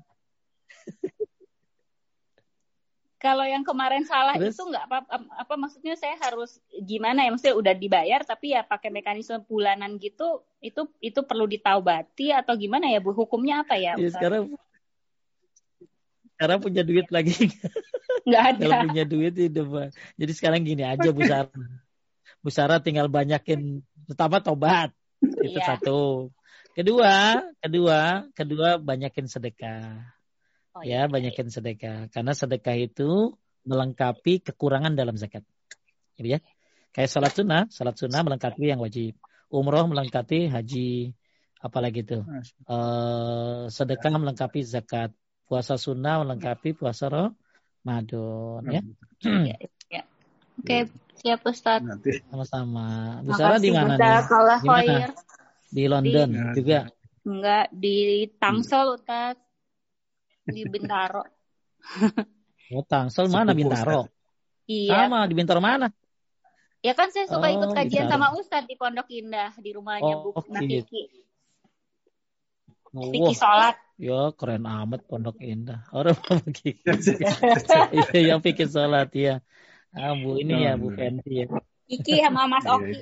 Ya, nuhun. Ya. Terima kasih ya, Ustaz. Ya. Terima kasih Mas Rasid. Ya. Oh iya. Ya, sama-sama. Salam. Ini saudara ini. Alhamdulillah. Baik. Eh, ada ada ada yang menitip pertanyaan. Ada tiga nih gimana nih Ustaz? Ini udah jam 4 jam 10 malam ini di sana. Sok sok sok nggak apa-apa. Ya elah. Sok mangga ya baik. silakan ya. Uh, tapi kita mungkin akan tutup mungkin setelah tiga pertanyaan ini karena di sini juga asar udah mau masuk baik. Bismillahirrahmanirrahim. Ustaz, bagaimana kedudukan doa dan zikir menurut keutamaannya? seperti zikir pagi, zikir petang. Isinya lebih banyak doa. Mohon penjelasannya Ustadz. Dan bolehkah membaca zikir sore lebih dulu tapi belum sholat asar? Uzur safar. Jazakallah khair. Gak apa-apa. Yang pertama misalnya gini ya. Misalnya udah masuk subuh ya. Terus anak-anak lagi siap-siap ya. Anak-anak lagi siap-siap lama dari 15 menit. Ibu baca zikir pagi nggak apa-apa tuh karena udah masuk fajar ya, udah masuk subuh. Asar juga sama. Misalnya ibu pengen sholat, tapi masih di kendaraan, belum nyampe, masih udah jam setengah lima. Ya baca aja zikir sore, walaupun belum sholat. Karena sudah masuk waktu asar. Ya, Terus zikir pagi sore, kan tadi eh, doa itu ada dua ibu. Doa itu ada dua. Doa yang bersifat eh, permintaan dan doa yang bersifat ibadah. Ya, dan di dalam zikir pagi sore ini ada dua dia. Ada yang bersifat permintaan, ada yang bersifat ibadah. Kalau yang bersifat ibadah ya baca ayat tadi ayat kursi, kulhu falak annas itu adalah bersifat ibadah. Tapi di dalamnya ada bersifat permintaan. Contoh, siapa yang baca ayat kursi pagi kan dihindari dari setan. Siapa yang baca al-ikhlas, kulhu falak annas kan banyak keutamaannya itu. Terus ibu baca bismillahirrahmanirrahim itu memang doa ya, doa tapi ada keutamaannya. Jadi di dalam zikir pagi sore ini ada doa permintaan, ada doa yang bersifat ibadah. Doa yang bersifat ibadah apa? Salawat, ya. Nah, itu kan uh, termasuk uh, keutamannya ada, ada permintaannya ada. Jadi doa itu ada doa yang bersifat permintaan dan ada yang bersifat ibadah. Nah, doa yang bersifat permintaan ya kita yang minta sendiri, ya. Nah, kalau doa yang bersifat ibadah tuh ya kayak zikir pagi sore ini kebanyakan doa yang bersifat ibadah, ya. Lanjut. Dua lagi kan? Baik. Dua lagi uh, berikut ini. Pertanyaan berikutnya, Assalamualaikum Ustaz. Mau tanya terkait sholat tahajud. Apakah dalam sholat tahajud boleh dilakukan dengan tata cara dua rakaat niat sholat tahajud, dua rakaat niat sholat tobat, dan sebagainya? Mohon pencerahannya. Uh, Jazakallah khair. Kalau hal tersebut tidak pernah dilakukan. Tahajud aja banyak ini. Ya. Ya, jadi paling bagus semuanya tahajud aja dalam tahajudnya Anda bertobat gitu loh. Semuanya tahajud dalam tahajudnya Anda bertobat kepada Allah. Intinya sholat tobat boleh ya. Sholat tobat itu ada ya, ada dalilnya. Jadi kalau Anda mau sholat tobat ya boleh-boleh saja. Tapi bisa saja di dalam sholat Anda bertobat gitu loh. Di dalam hmm. tahajud Anda bertobat. Gimana caranya? Lagi sujud Anda baca Allah maghfirli zambi kullahu yang ampuni dosaku semuanya. Dikah wajillahu yang besar dan yang kecil yang awal, yang akhir, yang kelihatan, yang tidak kelihatan. Ya, doakan kaum muslimin Rabbana firli wali walidayya walil mu'minin yang yakumul hisab. Jadi dalam tahajud itu Anda bisa berdoa ya. Anda bisa bertobat di dalam tahajud. Sebelum salam Anda baca doa. Allahumma ini dolam tu nafsi dulman kathiran wa la zunuba illa anda. Faghfirli maghfiratan min indik warhamni innaka antal ghafurur rahim. Ya. Jadi dalam tahajud Anda bisa minta ampun kepada Allah dalam tahajud Anda bisa berdoa. Dalam setiap saat kita bisa bertobat kepada Allah. Ya, dalam sholat ya. Dalam sholat kita bisa bertobat kepada Allah. Kalau mau mengkhususkan dengan sholat tobat juga nggak apa-apa. Boleh. Ibu sholat tobat dulu baru tahajud nggak apa-apa. Atau ibu dalam tahajud ibu bertobat kepada Allah Subhanahu Wa Taala. Ya, lanjutkan. Baik, ini pertanyaan terakhir insya Allah. Assalamualaikum. Assalamualaikum. Afwan, Anda mau tanya dengan adanya berita yang sedang viral saat ini mengenai karikatur Nabi Muhammad SAW yang dipajang di suatu gedung di Perancis. Apakah kita sebagai umat muslim boleh mendoakan orang tersebut untuk dilaknat dan dibinasakan oleh Allah Subhanahu wa taala? Jazakallah khair. Emang ada ada ini ya, Kang? Baru ya? Ya Ustaz, jadi ceritanya Baru ada ya? yang ada guru Kasusnya. ya ada ada guru me, melakukan ini lalu guru ini di e, dibunuh oleh muridnya muslim dipantung kalau nggak salah di jalan ya dipenggal kepalanya terus sedemikian lah jadi sekarang di Prancis ada kasus Islam uh, umat Muslim sedang sedang mendapat cobaan di sana. Oh iya, pantesan tadi saya baca apa baca sebuah tulisan tentang penghina Nabi, tapi tidak ada hukuman buat dia, nggak ada nggak didukung ya. Nah, gimana seperti ya. itu? Nah, tapi hmm. saya tuh bacanya ah lewat aja ah gitulah. Oh, ternyata ada ya. kasusnya ada kasusnya. Ya, Intinya Allah ya oh, kasusnya. Jadi itu guru dipantung sama muridnya berarti. Iya, sama muridnya. Hmm, Masya Allah ya. Ya, setahu saya ya, ya wallahu alam ya. Saya uh, tidak berbicara berani masalah um, masalah ke, ini masalah kepentingan uh, kebanyakan uh, ini masalah penting ya. Mungkin nanti bisa ditanyakan dengan ustadz-ustadz yang lainnya. Saya bukan ustadz besar, saya ustadz ece-ece ustadz yang nggak banyak ini. Lebih baik ditanyakan sama yang ustadz. Tapi saya mau kasih sebuah saran saja begini. Allah berfirman wa rafa'ana laka dzikrak dan diangkat derajat dan diangkat derajat uh, apa diangkat derajat Nabi Muhammad itu diangkat namanya penyebutannya ya.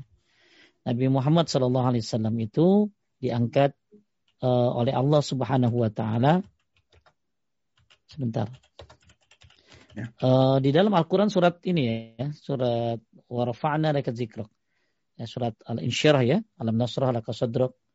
Ya, wa wada'na anka wizrak alladhi anqadha dhahrak wa rafa'na laka zikrak.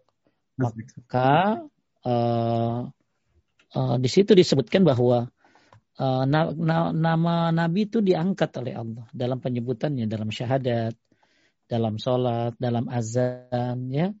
Oleh karena itu Nama siapa pun yang sudah diangkat oleh Allah nggak bakalan jatuh. Nama siapa pun yang sudah diangkat oleh Allah tidak akan jatuh. Ya, tapi nama siapa pun yang dijatuhkan oleh Allah nggak bakalan bisa terangkat. Ya, segitu hebatnya. Orang menghina Nabi Muhammad nggak pernah jatuh-jatuh dari dulu kan? Ya, ya, nggak pernah jatuh-jatuh dari dulu Nabi dihina kayak apa nggak pernah jatuh-jatuh. Karena yang ngangkat bukan hmm. manusia, yang ngangkat Allah. Ya, nah kemudian hmm, Fir'aun mau diangkat kayak apa yang nggak pernah bisa keangkat karena yang jatuhin Allah. Nah sekarang kita coba ya sedikit lah ya bahas tentang masalah yang lagi viral ini misalnya ya tentang masalah apa tentang hukuman bagi penghina Nabi ya. Ya mungkin kalau salah sehingga silakan di di apa ditanya lagi ke ustadznya yang lainnya intinya uh, ijma ulama orang yang menghina nabi itu memang layak mendapat hukuman mati. Orang yang menghina nabi layak mendapatkan hukuman mati Abu Bakar Al Farisi salah satu ulama Syafi'iyah menyatakan bahwa kaum muslimin sepakat hukum bagi orang menghina nabi adalah bunuh ya Eh, bagi orang yang menghina Nabi adalah bunuh. Ya, banyaklah perkataan-perkataan ulama apa uh, yang menyatakan demikian. Ya, uh, bahkan ada Syekh Muhammad bin Sahnun juga mengatakan ulama sepakat orang yang mencela Nabi SAW menghina beliau adalah kafir dan dia layak mendapatkan berupa Allah Subhanahu wa taala. Kecuali kalau dia bertobat ya. Gimana kalau dia bertobat? Nah, maka kalau dia bertobat ini ya, uh, jika pelakunya bertobat sungguh-sungguh kepada Allah, Allah akan mengampuni dosanya karena Allah mengampuni semua dosa. Ya. Nah sekarang masalahnya adalah uh, siapa yang melakukan itu, gitu loh. Ya. Nah siapa yang melakukan itu? Siapa yang melakukan hukum ini? Ya, apakah bisa bisa bersifat apa? bisa bersifat pribadi ya, bersifat pribadi atau hanya pemerintah. Maka Islam mengajarkan kepada penganutnya untuk menyerahkan persoalan hukum seperti ini kepada pihak yang berwenang, Kang. Hmm. Dalam hal ini pemerintah. Gak bisa hmm. main hakim sendiri, ya, yang akan menimbulkan kegaduhan. Ya, jadi jangan akhirnya kalau main hakim sendiri akan menimbulkan kegaduhan, kekacauan dan kerusakan yang lebih besar. Ya, ya. kerusakan yang lebih besar. Makanya kata kata ulama seperti Imam Al-Kasani menerangkan tentang syarat-syarat yang bisa dilakukan dalam hukum had. Di antaranya apa? Yang menjalankan hukum had adalah pemimpin kata beliau atau pemerintah yang mewakilinya. Ya. Kemudian uh, apa? Ada orang dulu pernah juga ya Kang dulu ya zaman zaman berapa ya? Ada kartunis dulu 2015 ya.